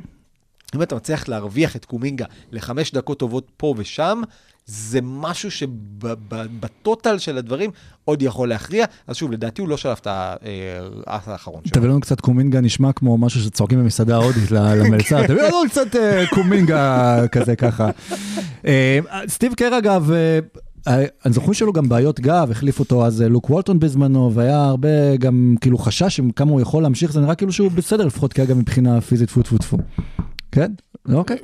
כן. טוב, אז מהצד השני, אמי יודוקה, אה, שוב, סדרת גמר אה, ראשונה שלו, אבל עדיין כן הוא בא עם אותו רפר, כאילו ניסיון שהוא צבר בתוך שרשרת החיול של אה, גרג פופוביץ', ויכול להיות שאולי זה מה שמחזיק אותו עד עכשיו אה, בסדרה הזו. דיברנו על המון דברים טובים שבוסטון עושה. זה שזה לא תמיד עובד, כי, כי קורים דברים פסיכיים, זה לא... אסור לשפוט לפי תוצאה, צריך לשפוט לפי הדרך. הם עושים המון דברים נכונים, הם עושים הגנה מצוינת. חוץ מהזריקות הלא אנושיות של סטף, כל השאר די עובד להם, למרות שאף אחד לא מתעלה. הם משתקים כמעט כל שחקן אחר. אה, ג'ורדן פול לא בסדרה, אגב, מישהו ראה, יודע על קיומו. משחק 2, הוא קלע אה, מהחצי. ג'ורדן פול אה, עומד על אה, 12 דקו, נקודות למשחק בסדרה הזאת. ג'ורדן פול פשוט, יש לו את ה... בדקות שהוא על המגרש, וזה רק 24 למשחק, הוא, יש לו את ה usage הכי, השני הכי גבוה בגולדן סטייט, ויש לו אחוזים, יש לו מספר אחד מזעזע. 24% מהפוזיישנים שלו נגמרים בעיבוד. זה, זה, זה מספר מטורף, זה לא הגיוני. אז פעם, אה, אתה יודע, היה, אה, איך, איך נשים אותו למגרש, הוא לא טוב בהגנה, בהתקפה הוא לא טוב. אז עוד דבר שבוסטון עושה, היא מצליחה להסתדר עם כל דבר. חוץ מהזריקות המטורפות של אה, קרי. אודוקה עושה עבודה מצוינת, אה, הוא משלב לאט לאט את אה, אה, טיימלורד, הוא צריך לשחק, השאל, יש לו המון שאלות, כאילו אורפורד וטיימלורד ביחד, דרק ווייט נותן משחקים טובים, נותן לו לשחק. אה, הוא, הוא, זה נראה שהוא משחק עם רוטציה בצורה טובה מאוד, ולמעט השתי דקות האחרונות במשחק הארבע, רוב מה שבוסטון עושים, למרות יכולת אישית לא טובה, היכולת הקבוצתית שלהם טובה, ובאמת, המון אה, כבוד לאודוקה. ומסתכלים על יודוקה עכשיו, אה, מישהו הגדיר אותו כ... כמאמן שכל קבוצה רוצה. וראינו את זה עכשיו באמת ג- גם הרבה מינויים, ו- ו- ו- ואחת הסיבות שאני אוהב את דרווין בלייקרס זה שבגדול זה למנות את יודוקה עוד פעם רק בלייקרס. כן. ו- ולמנות מאמן כמו יודוקה לבוסטון, ש- שבוסטון זאת קבוצה שבה אתה בא לעבודה בשביל לקחת אליפות כל יום, לא משנה מי אתה ומתי אתה עושה את זה, אז זה המון לחץ. אבל זה הצלחה, הם ציפו כבר בעונה הראשונה שברד סטיבנס עולה, זה הרבה שינויים, גם אה, דני איינג' עזב, ברד סטיבנס החליף אותו, יודוקה נכנס לעמדת אה, המאמן, למרות שזה עדיין כאילו, שוב, חפף אותו באותה משפחה והכל, זה הצלחה די מיידית. הצלחה נהדרת, אבל שוב, אנחנו, זה, זה לא משהו יוצא דופן כשאתה מסתכל שקר זכה בזה, וטי לו זכה אחרי חצי שנה בתפקיד, וניק נרס זכה ב-2019, ומונטי וויליאמס, אה, מונטי, סליחה, לא מונטי לא רוקי, אבל כן אה, אה, היו הרבה מאמנים. שוב, ניסיון כבר כמאמן ראשי על הקווים זה overrated. זה נהיה כבר, אה, אנחנו נדבר על זה גם בעניין של אתקינסון תכף, אבל, אבל זה, זה פחות קריטי. מה שקריטי זה כמה אתה יכול לתקשר עם השחקנים שלך, וכמה אתה יכול להגיד לכם, לפרצוף אתם מסרחתם את הפרקט. ויודוקה עושה את זה. ויודוקה עם הכנות הזאת, ועם היכולת שלו באמת לגעת בשחקנים ב- ב- ברמה של לדרוש מהם את ה accountability הזאת, זה משהו שבאמת מסתכלים עליו בהערצה בכל הליגה. מהבחינה הזאת, מוריד את הכובע בפני יודוקה, הוא עושה פלייאוף מעולה, הוא עושה סדרת גמר מצוינת. נכון, יש טעויות פה ושם, אתה לא יכול, אתה לא מתפקד בוואקום. אמר את זה יפה ג'ייסון טייטום אחרי משחק 4. אנחנו לא אה, עושים this, אה, אנחנו לא פוגעים בעצמנו בכוונה. כאילו, יש ממול יריבה, אנחנו לא יכולים להגיד שבוסטון לא עושה זה, ולמה הם לא חודרים לסל? ברור שהם רוצים לחדור לסל. הם לא יכולים לחדור לסל, כי יש שם את דריימונד, ויש שם את ויגינס, ויש שם את לוני. אז הם צריכים לזרוק את השלשות הפחות easy. שוב, כל דבר ב- ב- בסדרה הזאת זה תוצאה של משהו באופן כללי, בכדורסל, שזה תוצאה שגם דברים שהקבוצה השנייה עושה. ויודוקה באמת עושה עבודה ראויה להערצה. ונשאר. לו עדיין אבל עוד קצת עבודה לעשות, אז מה, בואו נדבר על זה, מה יודוקה עכשיו צריך לעשות כדי שבאמת הוא יהפוך את זה להיות כמו סטיב קר, בעונת הרוקי שלו להיות המאמן שזוכה בתואר האליפות. אני אגיד משהו לא פחות הגיוני, בדיוק מה שהוא עשה עד עכשיו. כאילו, אתה, לפעמים לא, לא, לא צריך לחפש בכוח. זאת אומרת, מה שקרה ב, ב, ב, בזריקות במח, במחצית השנייה של אה, סטף קרי, אגב, במחצית הראשונה של משחק 4 הוא היה על 2 מ-8 מה-3 לדעתי, במחצית השנייה על 5 מ-6, וכל אחת יותר קשה מהשנייה. אז כאילו, מה שהם עושים... עובד עד שמגיע סטף שלוש מטר מאחורי השלוש עם שני שחקנים שקופצים עליו. קשה מאוד לסגור גם את זה, כי אם אתה תסגור גם את זה, אתה- מה, תביא שחקן שלישי, אני, כאילו, אז, אז באמת תהיה שם חוכא ואטלולא ובוקה ומבולקה. אבל יכול להיות שזה מה שהוא כן צריך לעשות, שהוא אומר, אני ביהוק ובייקרוק, הולך על... שוב, היה שם קליפ יפה שהראה קייסי ננקין, שאיך בוסטון מנסה כל התקפה ללכת על סטף קרי, וגולדנסטייט עושה את כל החילופים כדי שסטף לא יהיה מעורב שם. כן. וזה היה כשסטף עם שלוש עבירות. כן. הדרך להוציא את הכדור מהידיים של סטף קרי, אני לא יודע איך אפשר לא. לעשות את זה. אם יודוקה יצליח לעשות את זה, יש לו סיכוי גבוה יותר. אני, אני לא בטוח זה- שצריך להביא עוד שחקן, אני חושב שאם יביאו עוד שחקן, אז, אז, אז כל הסכמה ההגנתית. תתפרק. מה שלדעתי צריך, דיברתי על זה לפני הסדרה, אה, בתור משהו שיכול לקרות, שלא קרה בכלל על דעתי עד עכשיו. אה, מרקוס סמארט הוא שחקן ההגנה של העונה, אבל על סטף קרי צריך לשמוע מישהו משמעותית יותר גבוה ממנו, עם מוטת ידיים עצומה. אה, אורפורד מנסה, עושה את זה לא רע, אבל אורפורד איטי מדי ו- ומבוגר מדי. אני חושב ש... גרנט וויליאמס, או אפילו הטיימלורד, אני יודע שזה נשמע מוזר, מישהו ש, שבאמת, ש, שסטף לא יראה אור יום, ו... ו אולי ו- ג'לן בראון. ג'לן בראון אולי, אולי אה, גרנט וויליאמס שיכול לעשות את זה יפה. אה, אני חושב שצריך שומר יותר גבוה, וסמארט יעשה מה שהוא עושה טוב אולי על, על לשמן אחרים. את הטבעות משהו כזה יכול לעזור. להגביה את הטבעות, כמו שהם עשו כן, כן. אז אני, אני לא יודע, אין, אין לי הרבה פתרון, אני רק יודע ש, שהם עושים כמעט הכל נכון, זה פשוט לא, לא סביר. כן, אה, טוב, אז בואו ככה לפני שנסיים את הרבע הזה, יום שישי בבוקר, אנחנו נפגשים פה באולפן, אולי. אולי, אם- אולי, אם, אם תיגמר אולי, הסדרה, אם לא תיגמר ל- השבוע הבא. וזה אני בדיוק מוביל לשאלה, איפה אנחנו ניפגש. נפגשים באולפן או לא נפגשים באולפן ביום שישי הקרוב? לא. לא. זה תלוי. אני אגיד לך, אחרי משחק חמש, אני אגיד לך אם נפגשים או לא. אה, לא אחרי משחק שש. לא, אם בוסטון מנצחים את משחק אה, חמש, אז אני חושב שזה ייגמר. אה, ייגמר שבוסטון שבוסטון ייקחו. יסיימו בבוסטון, כן? כן, הפעם הם יחרגו ממנהגם וינצחו בבית. אה, אני, אני חושב שזה משחק קריטי מאוד לגולדן סטייט, כי אם הם מפסידים שם, אה, אני לא רואה אותם מנצחים שתיים רצוף. אה, ואצל בוסטון איכשהו, שוב, כמו שאמרנו, לא שום דבר עובד להם באופן מיוחד, וזה עדיין מרגיש שהם כאילו הסדרה כאילו בשליטה. בשליטתם. יכול להיות שאצל בוסטון אולי יש פחות לחץ, בגלל שכביכול אה, דברים לא עובדים להם, בגלל שהם פחות מנוסים, ועל על סטף ועל גולדן סטייט יש יותר לחץ לנצח את הסדרה הזו, ובוסטון, שוב, רוצים לזכות, יעשו הכל, אבל אם הם יפסידו, אז יש להם עדיין סגל לרוץ איתו שנים, וייתן להם עוד הזדמנות אולי לעשות את זה, וגולדן סטייט, אה, כמה נשאר? כן, יכול להיות שזה באמת, אה, אם גולדן סטייט ייקח אליפות, אז זה יהיה בזכות תחושת הדחיפות. זה כן. גם יצא חרוז, וזה גם יצא כי קליי ודריי לא יעשו צעירים יותר ולא יעשו טובים יותר. קליי אולי, שוב, כן- כן יכול אולי לחזור לעצמו אחרי הרוטינה, אבל, אבל שוב, שלושתם שם הרבה אחרי גיל 30, ממע- או מעט אחרי גיל 30, אבל כבר לא בשיאם. השחקנים האחרים שלידם, אה, עדיין חלקם יגדלו, חלקם אולי יצטרכו לעזוב בגלל עניינים כספיים. אבל אה, כן, יכול להיות, שוב, אם וכאשר אנחנו נתייצב פה עוד כמה ימים ונסכם את האליפות של גולדן סטייט, יכול להיות שנדבר על תחושת הדחיפות. בינתיים, קודם כל לבוסטון יש את אל הורפורד, שהוא יותר מבוגר מכל שחקן יותר דחוף לו, בסדרה, וכן, חוץ מאיגודלה. הוא לא בתור ממש בקופת. חולים מבקש להיכנס קודם בגלל הדחיפות, כן. אז זה אל הורפורד. אל הורפורד, כן. אה, בדיוק, נראה לי זה הזמן ל באזר.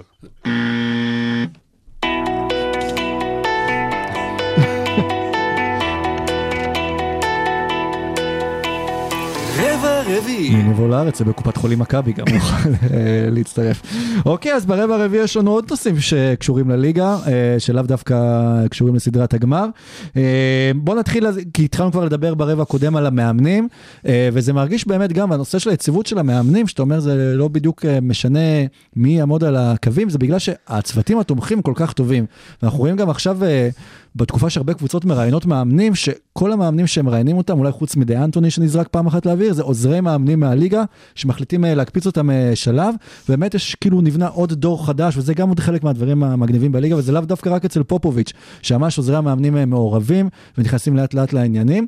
ולמרות כל זה, שוב, אתקינסון אה, הוא עוזר המאמן של, אה, של סטיב קר, ממונה עכשיו להיות, אחרי שתיגמר סדרת הגמר, המאמן החדש, דיברו על זה כבר, של, של שרלוט הורנץ, אבל הוא כן היה מאמן בעבר אה, אה, ב- בנץ. בברוקלין, נץ, אבל הוא בא עכשיו אולי עם ניסיון של אליפות אפילו. והאם הוא אה, מאמן הנכון במקום הנכון? הוא- בגדול כן, כי, כי קני אטקינסון יודע לעשות שני דברים, לשחק הגנה טובה ולפתח שחקנים, ושני דברים צריך עכשיו בשאלות, לפתח שחקנים ולשחק הגנה טובה. אז בגדול, כאילו, כן, זה, זה אחלה מינוי. אני קצת רוצה באמת להתייחס למה שאמרת על הדור של המאמנים. מייק דנטוני, אה, לא מזמן ראיינו אותו אצל אה, ג'יי ג'יי, והוא אמר, הוא דיבר על כמה בוער לו לחזור לאמן. ואני חושב שאנשים קצת עושים מייק דנטוני עוול, כי זוכרים אותו גם בגלל אה, דברים, עונות לא טובות שהיו לו בניקס, עונות לא טובות שהיו לו בלייקרס, סיטואציות אגב די בלתי אפשריות, אבל, אה, אבל מייק דנטוני, אני תוהה אם הוא ימחל על כבודו ויצטרף בתור uh, associate head coach, מה שנקרא, לאחד הצוותים, כי יש לו, לדעתי, עוד המון מה לתרום, ו- ויש הרבה מאמנים שאתה מסתכל עליהם ואתה אומר, אוקיי, ברור שהם מאמנים מיושנים, ומרק ג'קסון למשל זה בן אדם שלדעתי לא יקבל, כאילו, ירואיין לעוד איזה חמש משרות ולא יקבל יותר משרה לעולם. כנ"ל אגב יכול להיות אוונגנדיס. Uh, כי באמת האנשים האלה נתפסים כחלק מהאסכולה הישנה, ועכשיו באסכולה החדשה, אתה אומר, אוקיי, בסוף, לכולם יש גישה לאנליטיקס, בסוף לכולם יש צוותים רפואיים טובים, בסוף לכולם יש player development coaches טובים, ואתה צריך מישהו שידע לתקשר עם השחקן, אתה צריך יודוקה. אז כן. עכשיו קבוצות מחפשות יודוקה, ואטקינסון בקטע הזה, ביכולת שלו להיות אה, אה, באמת טקטיקן חכם ומפתח שחקנים, זה מה ששארלוט הייתה צריכה, אחלה מינוי. ראינו את זה מצוין אגב בברוקלין, בתקופה לפני שברוקלין החדשה של נכון. הבנייה, שהיה להם את ג'ארט אלן ועם דיאנג'לו. ראסל, נראה שם כמו כוכב כדורסל, אה, אחד מהטובים בליגה, וקריס לברט, ו- וזה בדיוק כאילו גם אותו מרקם של שחקנים, עם הרכז אה, המהיר ו- והפרוע, רק אולי חסר להם איזשהו סנטר גבוה ככה שיבוא ו... הבעיה יעזור שם. הבעיה היא שמאמנים, גם אם הם טובים מאוד, קשה להם מאוד להיות טובים בכל שלבי התפתחות של קבוצה. זה כמו, אתה יודע, בסטארט-אפים, היזם שהוא המנכ"ל הראשון והכול, אחלה וזה, שהחברה מגיעה לגודל מסוים, זה כבר לא מתאים, צריך משהו אחר. אז אה, אתה יודע, לאמן צעירים, לפתח אותם זה דבר אחד. אה, להתמודד עם אגו של וטרנים זה דבר אחר. להתמודד בפלייאוף ולהתמודד בעונה רגילה זה דברים אחרים. נדירים המאמנים, באמת הבודדים, כל הפופ וה- והקר והאלה, ש, שטובים בהכל. גם ביחסים עם שחקנים, גם בפיתוח צעירים, גם בשילוב אה, עם, עם הוותיקים וגם בזמני לחץ וגם במשחק עונה רגילה. זה, זה עבודה מאוד מאוד קשה. גם ב scouting, גם ב X's and O's. אפשר כאילו עוד לזרוק פה רשימה של 20 דברים שמאמן צריך להיות טוב בהם, ו, ומה שמיוחד ב, בהרבה מהמאמנים הטובים של השנים האחרונות, זה שכולם היו, אף אחד מהם כמעט, חוץ מג'ייסון קיד, לא היה כוכב. כולם היו role players, סטיב קר היה אה, אה, ספציאליסט של שלשות, ואימה יודוקה היה עם מוסר עבודה גבוה והגנה, ובכל, אתה יודע, journeyman כזה שעובר בין קבוצות, ואתה לא חייב להיות אה, כוכב, אתה צריך להיות טוב גם באלמנטים המנטליים, גם באלמנטים האנושיים, וכמו, וגם ב- בכדורסל זה, זה עוזר. זה הסיפור גם של ברון מאוד אהב את טיילוק, כי שוב, הוא לא היה כוכב, הוא היה ליד נכון, הכוכב, אבל הוא נכון. שיחק עם כוכבים, איך זה להתמודד עם כוכבים. מצוינת, כן.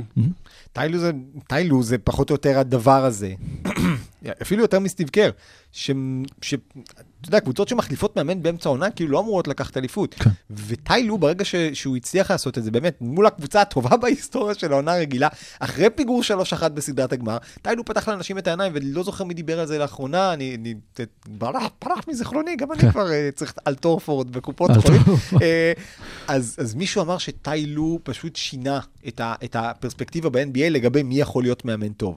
אז, אז ניתן לו את הקרדיט עם כל זה שבזמנו לא אהבנו אותו בגלל אה, בלאט. טיי לו באמת אה, שינה דברים. ועכשיו היה גם אה, בדיוק, אה, גם לא זוכר כמה שנים זה, מאז שאלן אייברסון, שגם חגג יום הולדת, כן. דרך מעל, עבר מעל טיילו ככה, כן. ונכנס מהצד הפחות יפה של ההיסטוריה, אולי טיירון לו, אה, ששיחק אז בלייקרס, ואם באמת אז דיברנו על עוזרי מאמנים שמקבלים אה, אה, במה בקבוצות, אז הנה דרווין מגיע ללייקרס, וכבר במסיבת העיתונאים הראשונה שלו, זה נראה אולי כמו המאמן שלברון חיפש. אני לא יודע מה רוצים ממנו, כאילו, באו בתלונות שהוא אומר דברים, וווסטברוק שם, הוא אמר דברים, הוא דיבר יפה. היום קוראים לזה אמיצים, אבל זה לא. הוא אמר דברים נכונים, הוא גם דיבר בנימוס, הוא, הוא, הוא מספיק הרים גם לווסטבורג על הדרך, אמר שהוא צריך לחזור ליכולות ההגנתיות המעולות שלו, ש... אני לא יודע מתי הוא ראה אותם, אבל בסדר. יש לו, אין ספק שיש לו את סט הכלים בשביל להיות שחקן הגנה טוב, פשוט אף פעם לא השתמש בזה לצורך הזה. ו- וזה נראה כמו מישהו בטוח בעצמו, שיודע מה הוא רוצה, שעבר כמה שנים בליגה. אדם קיבל כדור בראש. בן אדם קיבל כדור בראש בגיל אה, לא יודע כמה, מה זה היה? 6, 9, 15? 12, משהו כזה, כן. אז בארצות הברית זה מבוגר, אה, בשביל לקבל כדור בראש. אה, אבל 750 ילדים כל שנה בארצות הברית מתים מנשק אה, חוקי. כן, אה, זהו, אז גמרנו את פינת סטיב קר להיום, אבל... אה, אגב, מה- מה המצב של בלינלי? סתם. של המכתב מה- שלו. מה איתו? אתה לא זוכר את הנאום של פופוביץ' על כן, כן, כן, בלינלי? אם אני לא זוכר- אם אני זוכר, אני לא, זוכר. זה לא באחרונה. אני נרדם הוא עם זה תרגם את זה בלילות. לכמה מדינות. אני תרגמתי את זה הוא עוד. ממשיך, אגב, בלינלי ישחק? כן, אז, אז, אז הוא אמר דברים יפים, הוא, הוא אומר את הדברים הנכונים, וזה נראה שהעוזרי, משהו במעמד המאמן עלה קצת על חשבון הכוכבים, וזה נראה שבטח אפילו אה, לברון ודייוויס, אחרי ה... מה שהם השאירו על הפרקט בעונה האחרונה, יבואו במטרה להקשיב. למרות שדווקא ראסל ווסטברוק היום ממש אמרו שהתחילו שמועות שהוא אומר שהוא לא רוצה להישאר בלייקרס אחרי כל מה שנאמר, ואני לא מבין איפה הוא רוצה לקחת את הקריירה שלו. אה, דיברנו על מאמנים שמדברים עם שחקנים בגובה העיניים, דורשים מהם accountability. אה, דרווין האם התחיל. כן. כלומר, זה- הוא לא חיכה אפילו לאימון הראשון בשביל להתחיל לשחק לראסל ווסטברוק במוח. ברמה, ברמה של אני, אני מאמין בך, זה עליך, חבוב. כלומר, אתה לא יכול עכשיו להאשים את המאמן, אני בא בתור מאמן, אני בא בטוב. אה, הייתה כזאת תוכנית. במערכת החינוך, באים בטוב, זה כזה נראה כמו פתרון אה, סכסוכים בין חמולות ערסים. אה, אה, זה- זה לא, באמת, ברמה של אני שם עליך עכשיו משימה, חובה עליך, והוא ידע שווסטבוק שם, והוא אמר את זה כי הוא ידע שווסטבוק שם, והמצלמות היו על ווסטבוק, וראו אותו כזה מתנדב בסוג של... הוא באמת אומר את זה עליי? הוא באמת מאמין בי? הוא באמת חושב שזה נכון? אני לא חושב שהוא חושב שזה נכון, אבל הוא ידע שהוא צריך להגיד את זה בנקודת הזמן הזאת. כי זה גם להגיד, אוקיי, אני חושב שראסל יכול לעשות את זה, אם ראסל לא יכול לעשות את זה, אז אנחנו צריכים אה, אולי להיפטר ממנו, ו... אבל, אבל אני בא בטוב, אני רוצה שהדברים האלה יקרו. אוקיי, אה, נקודה אחרונה על הפרק אה, של היום, אה, דיבר, ראינו שהרבה גבוהים אה, מאוד מצליחים העונה, והחזירו את מעמד הביגמן, הרבה קבוצות שואפות גבוה, מה שנקרא, ואולי הגבוה הרלוונטי, ומשה, אל תתרגש, זה דיאנדרה אייטון, שפתאום אה, מעורב אה, בהרבה שיחות אה, על trade ים, איכשהו זה פוסח מעל דאלאס, אבל אנחנו שומעים על אייטון להרבה מקומות אחרים שיכול לעזוב את פיניקס. סיטואציה כרגע, כמו שאנחנו מכירים אותה, הוא רוצה חוזה מקסימום, פיניקס לא מוכנה לתת חוזה מקסימום, והרבה קבוצות אה, קופצות על המציאה, ושתיים שמאוד בולטות אה, בשיח הזה, כרגע לפחות, אה, זו דטרויט ודפורטלנד. דטרויט ופורטלנד, נכון. ואתה הצעת גם איזשהו trade מעניין אולי כן, כן, לדטרויט. אמרתי אם פיניקס לא רוצים להשאיר את דטרויט, את דטרויט, פיניקס בטוח לא רוצים להשאיר את דטרויט, אבל אם לא רוצים להשאיר את אייטון, תעשו sign and trade, שלחו אותו לדטרויט על אייזיה סטיוארט, ג'רמי גרנט וקורי ג'וזף. לפיניקס חסר בשנה האחרונה איזשהו creator נוסף מהספסל, בטח בפלייאוף. קורי ג'וזף לדעתי יכול לעשות את זה לא פחות טוב מקמפיין. אה, חסר להם, אני חושב שאייזיה סטיוארט ברמה של סנטר שהוא גם, הוא לא גבוה כמו אייטון, אבל הוא פיזי, ויש לו גם שלשות, והוא, והוא rebounder טוב. הוא, הוא תחליף של אה, 60 אחוז אייטון, אבל בסדר, זה יכול להספיק, בטח בשכר שלו. וג'רמי גרנט, זה, זה, זה, זה, זה, אנחנו יודעים מי זה ג'רמי גרנט. אני חושב שהדבר הזה יכול לפתור לפיניקס את העניין. ומשאיר אותה contender ית. אה, משאיר את פיניקס contender ית, והופך את דטרויט לפוטנציאלית אולי הממפיס של השנים הבאות, כי קנינגהם ואייטון, ועוד שחקן top 5 מהדראפט, וסאדיק ביי, מתחיל להיווצר שם משהו מעניין. יש לאייטון בכלל סיכוי, אתם חושבים, להישאר בפיניקס אה, בסיטואציה עכשיו, או שהסיפור שלו אולי אה, נגמר שם? זה לא נראה טוב, כי כל מה שמגיע מה... מקורבים למאמן, וזה, זה, לא נראה שהם עושים מאמצים להשאיר אותו, ואתה לא רואה, בדרך כלל במצבים כאלה, אז, אז הכוכבים, היית מצפה שפול ובוקר יבואו ויגידו, מה, אייטון זה שלנו ואיתו איתו הולכים לקרב, אתה לא שומע את הדברים האלה. אני חושב שכולם במערכת השלימו עם זה שהמצב... הוא כנראה עדיף לכל הצדדים אה, אה, להיפרד בטוב, בהנחה שמקבלים משהו טוב. הם לא יעשו את זה בכל מחיר. אה, אתה יודע, מה שסורוקה הציע זה מעניין, אה, אולי איזה מיילס טרנר ומשהו, אני לא יודע מה. אז טרנר הוא שמור לך, מיילס טרנר שמור, לא, אני בסוף, אתה יודע, דאלאס עם הנכסים שלנו, אייטון, טרנר, בסוף נגמור עם אה, הרטנשטיין. וראיתי תמונה, כאילו גם אה, שלשום בפיד על אה, לילארד, שאמרו שהוא מאוד היה רוצה לשחק עם אייטון, ואיכשהו בתמונה, כאילו אני מסתכל ואני אומר כאילו, למה יש תמונה של לילארד עם גרג אודן? כי היה לי פתאום איזשהו סנטר מבוגר, שנראה כאילו, שצעיר אבל שנראה מבוגר, רגע, אבל אודן לא פרש, את פורטלנד אני לא מבין בכלל, לא. אגב. בכלל אני לא מבין.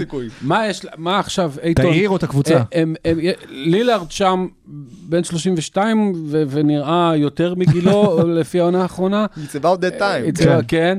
אה, כל הקבוצה אה, העיפו את כולם, נורמן, מה- כל- מה שאתה רוצה, הולכים לתת חוזה כנראה גדול מדי לאנפרני סיימונס, אני לא יודע כמה, אבל 90 עד 100 מיליון לארבע עונות, משהו כזה, זה הדיבור.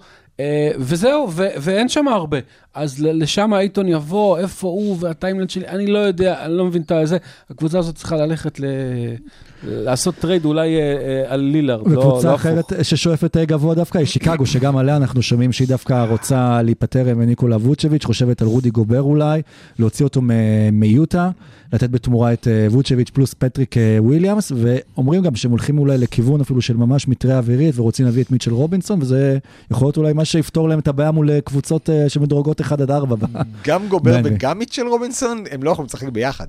כאילו, כן. טוב, לא יודע, אני לדעתי מיטשל רובינסון יכול להיות סנטר פותח של 25-30 דקות, וגובר, מן הסתם, והם לא יכולים לשחק, אין- אלא אם מאריכים את משחק הכדורסל בשביל שיקגו ל-56 דקות, זה כאילו לא אבל נגיד אם מסתדר. מביאים רק את רודי גובר אה, גובר הופך את שיקגו. לקונטנדרית. כן. כן. אבל אה, שיקגו, אה, יוטה, עם ווצ'ביץ', שהוא שחקן התקפה נהדר, אני לא יודע אם נראתה קבוצת הגנה גרועה בחמש שנים האחרונות, כמו שהולכת להיראות יוטה עם ווצ'ביץ' במקום גובר. זה כאילו, אה, החלפת את אה, מרקוס סמארט בטרי אה, יאנג. כאילו, אז, שחקן מצוין ווצ'ביץ', אבל הגנה זה לא הפורטה שלו, בוא נקרא לזה ככה. לא הפורטה ולא אקמול פורטה. אמרת הנושא האחרון, אבל לא, אני, יש לנו 82 אה, נכון, משחקים, נכון. 82 משחקים.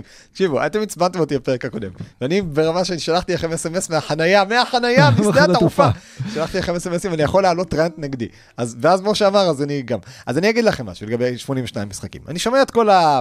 the- roll the tape, לוץ. כן. אני שומע את כל הדיבורים שמג'יק שיחק 82 משחקים, ומייקל שיחק 82, ולארי, וזה, אז בגלל זה צריך להמשיך לשחק 82 משחקים, אוקיי? מייקל ג'ורדן, בתכלס, כשאתה מסתכל על זה, בהנחה שאתה לא מחשיב באמת את השתי עונות שלו בוושינגטון, כי אף אחד לא מחשיב אותן, מייקל ג'ורדן שיחק 13 עונות שלמות של כדורסל. אחת ממנו גם הפסיד כמעט כולה בגלל פציעה. אם היית לוקח את כל הקריירה של מייקל ג'ורדן, והיית שם אותה על הקריירה של שחקן כנראה הכי גדול מעל מייקל ג'ורדן, אז לברון ג'יימס היה פורש מכדורסל לפני חמש שנים. ואתה מסתכל על לארי ברד, נכון, לארי ברד שיחק 82 משחקים כל עונה, לארי ברד שיחק 13 עונות כל הקריירה שלו ברצף, ופרש מכדורסל כשהוא כמעט נכה. אם תיקח את הקריירה של לארי ברד ותשים אותה על גאון הכדורסל, אולי הכי גדול של ימינו, סטף קרי יצטרך לפרוש מכדורסל בשנה הבאה. אנחנו לא רואים את השחקנים האלה פורשים, אנחנו כן רואים את השחקנים האלה נפצעים המון. המון, המון, המון, יש לנו את הסטטיסטיקות בשנים האחרונות על כמה ה all-stars נפצעים יותר, ו- ואנחנו גם שומעים ואנחנו רואים בנתונים שדריימון גרין גם הסביר את זה יפה בתור הפרשן שלנו, ש- שהמשחק היום הרבה יותר אתלטי, הרבה יותר מהיר. נכון, זה פחות פיזי, אתה פחות חוטף מכות בכניסה לסל, אתה הרבה יותר צריך לרוץ על דרך חסימות. ובתכלס כמה פעמים שבאמת היית חוטף בומבה מביר לאמביר בכניסה לסל, לעומת כמות הפעמים שאתה צריך להקיף את המגרש ולרדוף אחרי קליי תומפסון או, או, או ג'לן ברנסון, אז זה הרבה יותר קשה, ושחקנים של היום פחות עמידים. עכשיו, אז זהו, היו 82 משחקים, זה נחמד. נזכיר רק ב-15 שנה הקרובות היו ארבע עונות שלא היו בהם 82 משחקים, עדיין הוכתרו אלופות, עדיין הכל היה בסדר, וזה לא נורא אם יהיו 72 או 75 משחקים בעונה, ו- וזה לא נורא, בטח אם מוסיפים את טורניר אמצע העונה, כי יהיו יותר משחקים משמעותיים במהלך העונות האלה, ויכול להיות ששכר השחקנים לא יקפוץ ב-7% אלא ב-4%, אני בטוח שבשביל הדייוויד סטרן cup שיהיה באמצע העונה, זכייניות טלוויזיה ישלמו יותר מאשר בשביל משחק של אוקלהומה סיטי נגד דטרויט שמתרחש בדצמבר. וכולם מדברים על זה שיש את הטיסות הכי טובות, את המלונות הכי טובים, את המדענים הכי טובים. מה המדענים אומרים כששואלים אותם? שזה לא טוב לשחק 82 משחקים בעונה. אז למה אנחנו צריכים להמשיך את זה? תנו 72, 75 משחקים. תראו את ה load management יורד, תראו את השחקנים משחקים באחוז גבוה יותר של המשחקים, נפצעים פחות, וזהו. כן, אבל, אבל אז, אני, אז אני אגיב ל rant שלך על זה, ל- על ה-72 משחקים, אבל דווקא הליגה ריווחה, דווקא אין יותר back to back ים כמו פעם, יש יותר שבועות, יש זמן של פגרה, יש פגרת אולסטאר, ואם הם מוסיפים דווקא את הטורניר אמצע, שאתה אומר זה יותר משחקים משמעותיים, זאת אומרת כביכול פחות משחקים ששחקנים אז נגיד יכולים לנוח בהם במהלך העונה, כי פתאום יש לך משחק משמעותי, אז אתה כן תרצה אה, לשחק בו, וכן משקיעים בשחקנים הרבה יותר כסף והזמן התעשרות שלהם, ועובדה שיש שחקנים שכן מצליחים לעמוד בזה ולשחק את ה-82 אז משחקים בעונה. אני, אני, אני פה בשביל לצאת חוצץ. אוקיי. אני, אה, אה, אתה יודע, אמרת, אמרת הרבה דברים, אה, חלקם כמובן נכונים, אבל, אבל יש הרבה דברים שפחות הגיוניים. אתה אומר שבשנים האחרונות יש יותר פציעות, ויחד עם זאת אתה אומר שכל הזמן שיחקו 82 משחקים, ועם אה, רפואה פחות טובה, ועם אה, טיסות אה, צ'רטר, ועם נעליים שהיום לילד שלך לא היית נותן, ו- למוגלי. ו- ו- אז אז איך זה הגיוני שהיום יש יותר פציעות, למה דווקא? לא, אני אומר, זה- הקריירות היו הרבה יותר קצרות. כן, אבל, אבל אתה יודע, הליגה עושה המון המון דברים בשביל לדאוג לבריאות של השחקנים. נכון, הטיסות הן פרטיות, הרפואה סופר מתקדמת, אה, מרווחים, פעם היה מעל 20 back to backs כל עונה.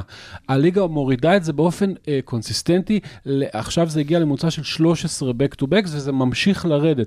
יותר מזה, הליגה גם עושה המון פעמים משחקים באותה עיר פעמיים. אתה פתאום, אה, הרבה פעמים במהלך העונה, מצאתי את עצמי אה, רואה משחק ואומר, רגע, הם לא שיחקו לפני יומיים? כן, הם שיחקו לפני יומיים. דאגו שאם, אה, לא יודע מה, מיאמי טסה לדנבר, אז היא כבר תשחק שם, אה, לא, דוגמה לא טובה, אבל ב- באותו conference, אבל להוריד את כמות הטיסות. אה, עושים המון המון מרווחים, ויותר מזה, שחקנים נחים, תרצה או לא תרצה.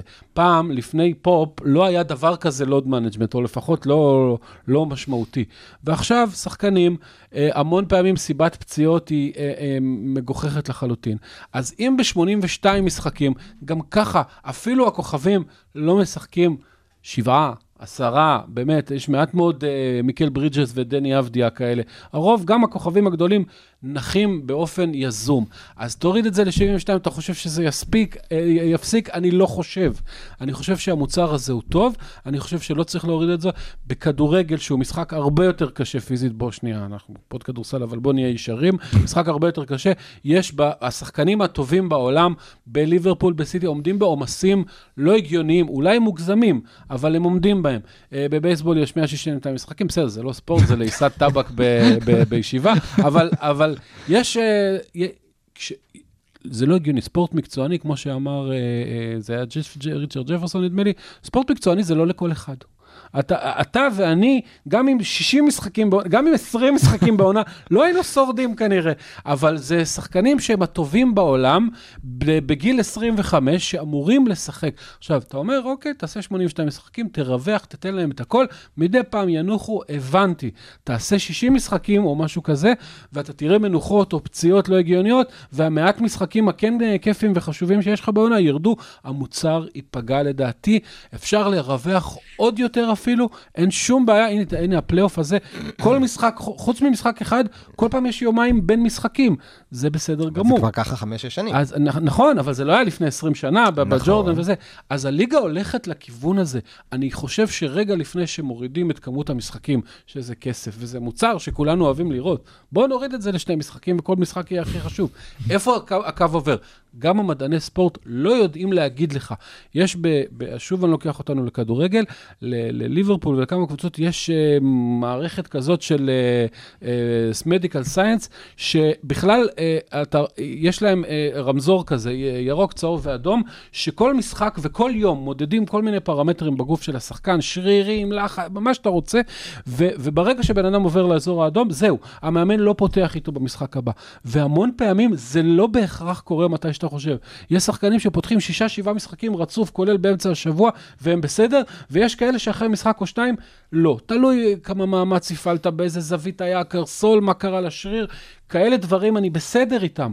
וזה בסדר, ובליגה, בפרמייר ליג של 38 משחקים, אז מדי פעם שחקן פותח על הספסל. שיעשו את זה גם ה-NBA. אבל אל תפגעו לי במוצר, אני לי. לא פוגם במוצר, אני אומר, קח את הדבר הזה, אה, תעשה עונה אחת של ניסיון, 72 משחקים. אבל היו כאלה הרבה עונות, הם היו לא, כיפיות. לא, א', הן לא היו כיפיות, כי גם בעונות האלה המשחקים היו הרבה יותר צפופים. נכון. back to back to back, וגם היה או פחות דברים משחקים. כאלה, או קורונה, כן. או דברים כאלה בלי קהל, או דברים כאלה שצריכים, נבדקים לקורונה שלוש פעמים. קח עונה אחת עם 72 משחקים, תודיע לשחקנים מראש, תוסיף את הטורניר אמצע העונה הזה, ואז תשווה. תראה כמה אנשים נפצעו, תראה רייטינג, תראה כסף. בעיניי, הפגיעה במוצר תהיה הרבה פחות ממה שחשבנו. אם רוברט וויליאמס לסיכום ינוח, אז יהיה Time Lord management? אנחנו נעלה סקר, נו. וניתן לקהל להחליט. ונשלח. ל- לאדם. סילבר שכבר עוקב אחרינו ממילא. כי בחירה דמוקרטית, זה מה שהוביל אותנו לאיפה שאנחנו היום. יפה מאוד. אה, סורוקה, קודם כל ברכות, כי כי הז- הז- הזהוב סגול. כן לקחו אליפות השנה, כן. אמנם לא ללוס אנג'לס, אבל הקבוצה של פי.ג'יי טייגר, אז ברכות אה, לאליפות אה, ראויה ומו- ומוצדקת. תודה, תודה. למה? בפעם האחרונה, אגב, שהפועל חולון לקחה אליפות, בוסטון סלטיקס ניצחה בגמר, קבוצה מקליפורניה, 4-2. או, צריך לתת את זה בנתון ורבע, את הנתון שמרתי את הזה. זה לסוף. I saved the best for last. יפה מאוד. אה, ואולי גם טייטום שומר the best for last, ואנחנו כאן ממש ב-last second של הפרק, אז תודה רבה ערן סורוקה. תודה רבה משה דוידוביץ'. תודה רבה לשניכם. ותודה רבה למאזינים, אנחנו נתעדכן ברשתות גם עם הסקר, גם עם הפרקים הבאים, וגם עם כל מה שקורה ב-NBA. להתראות, ביי ביי.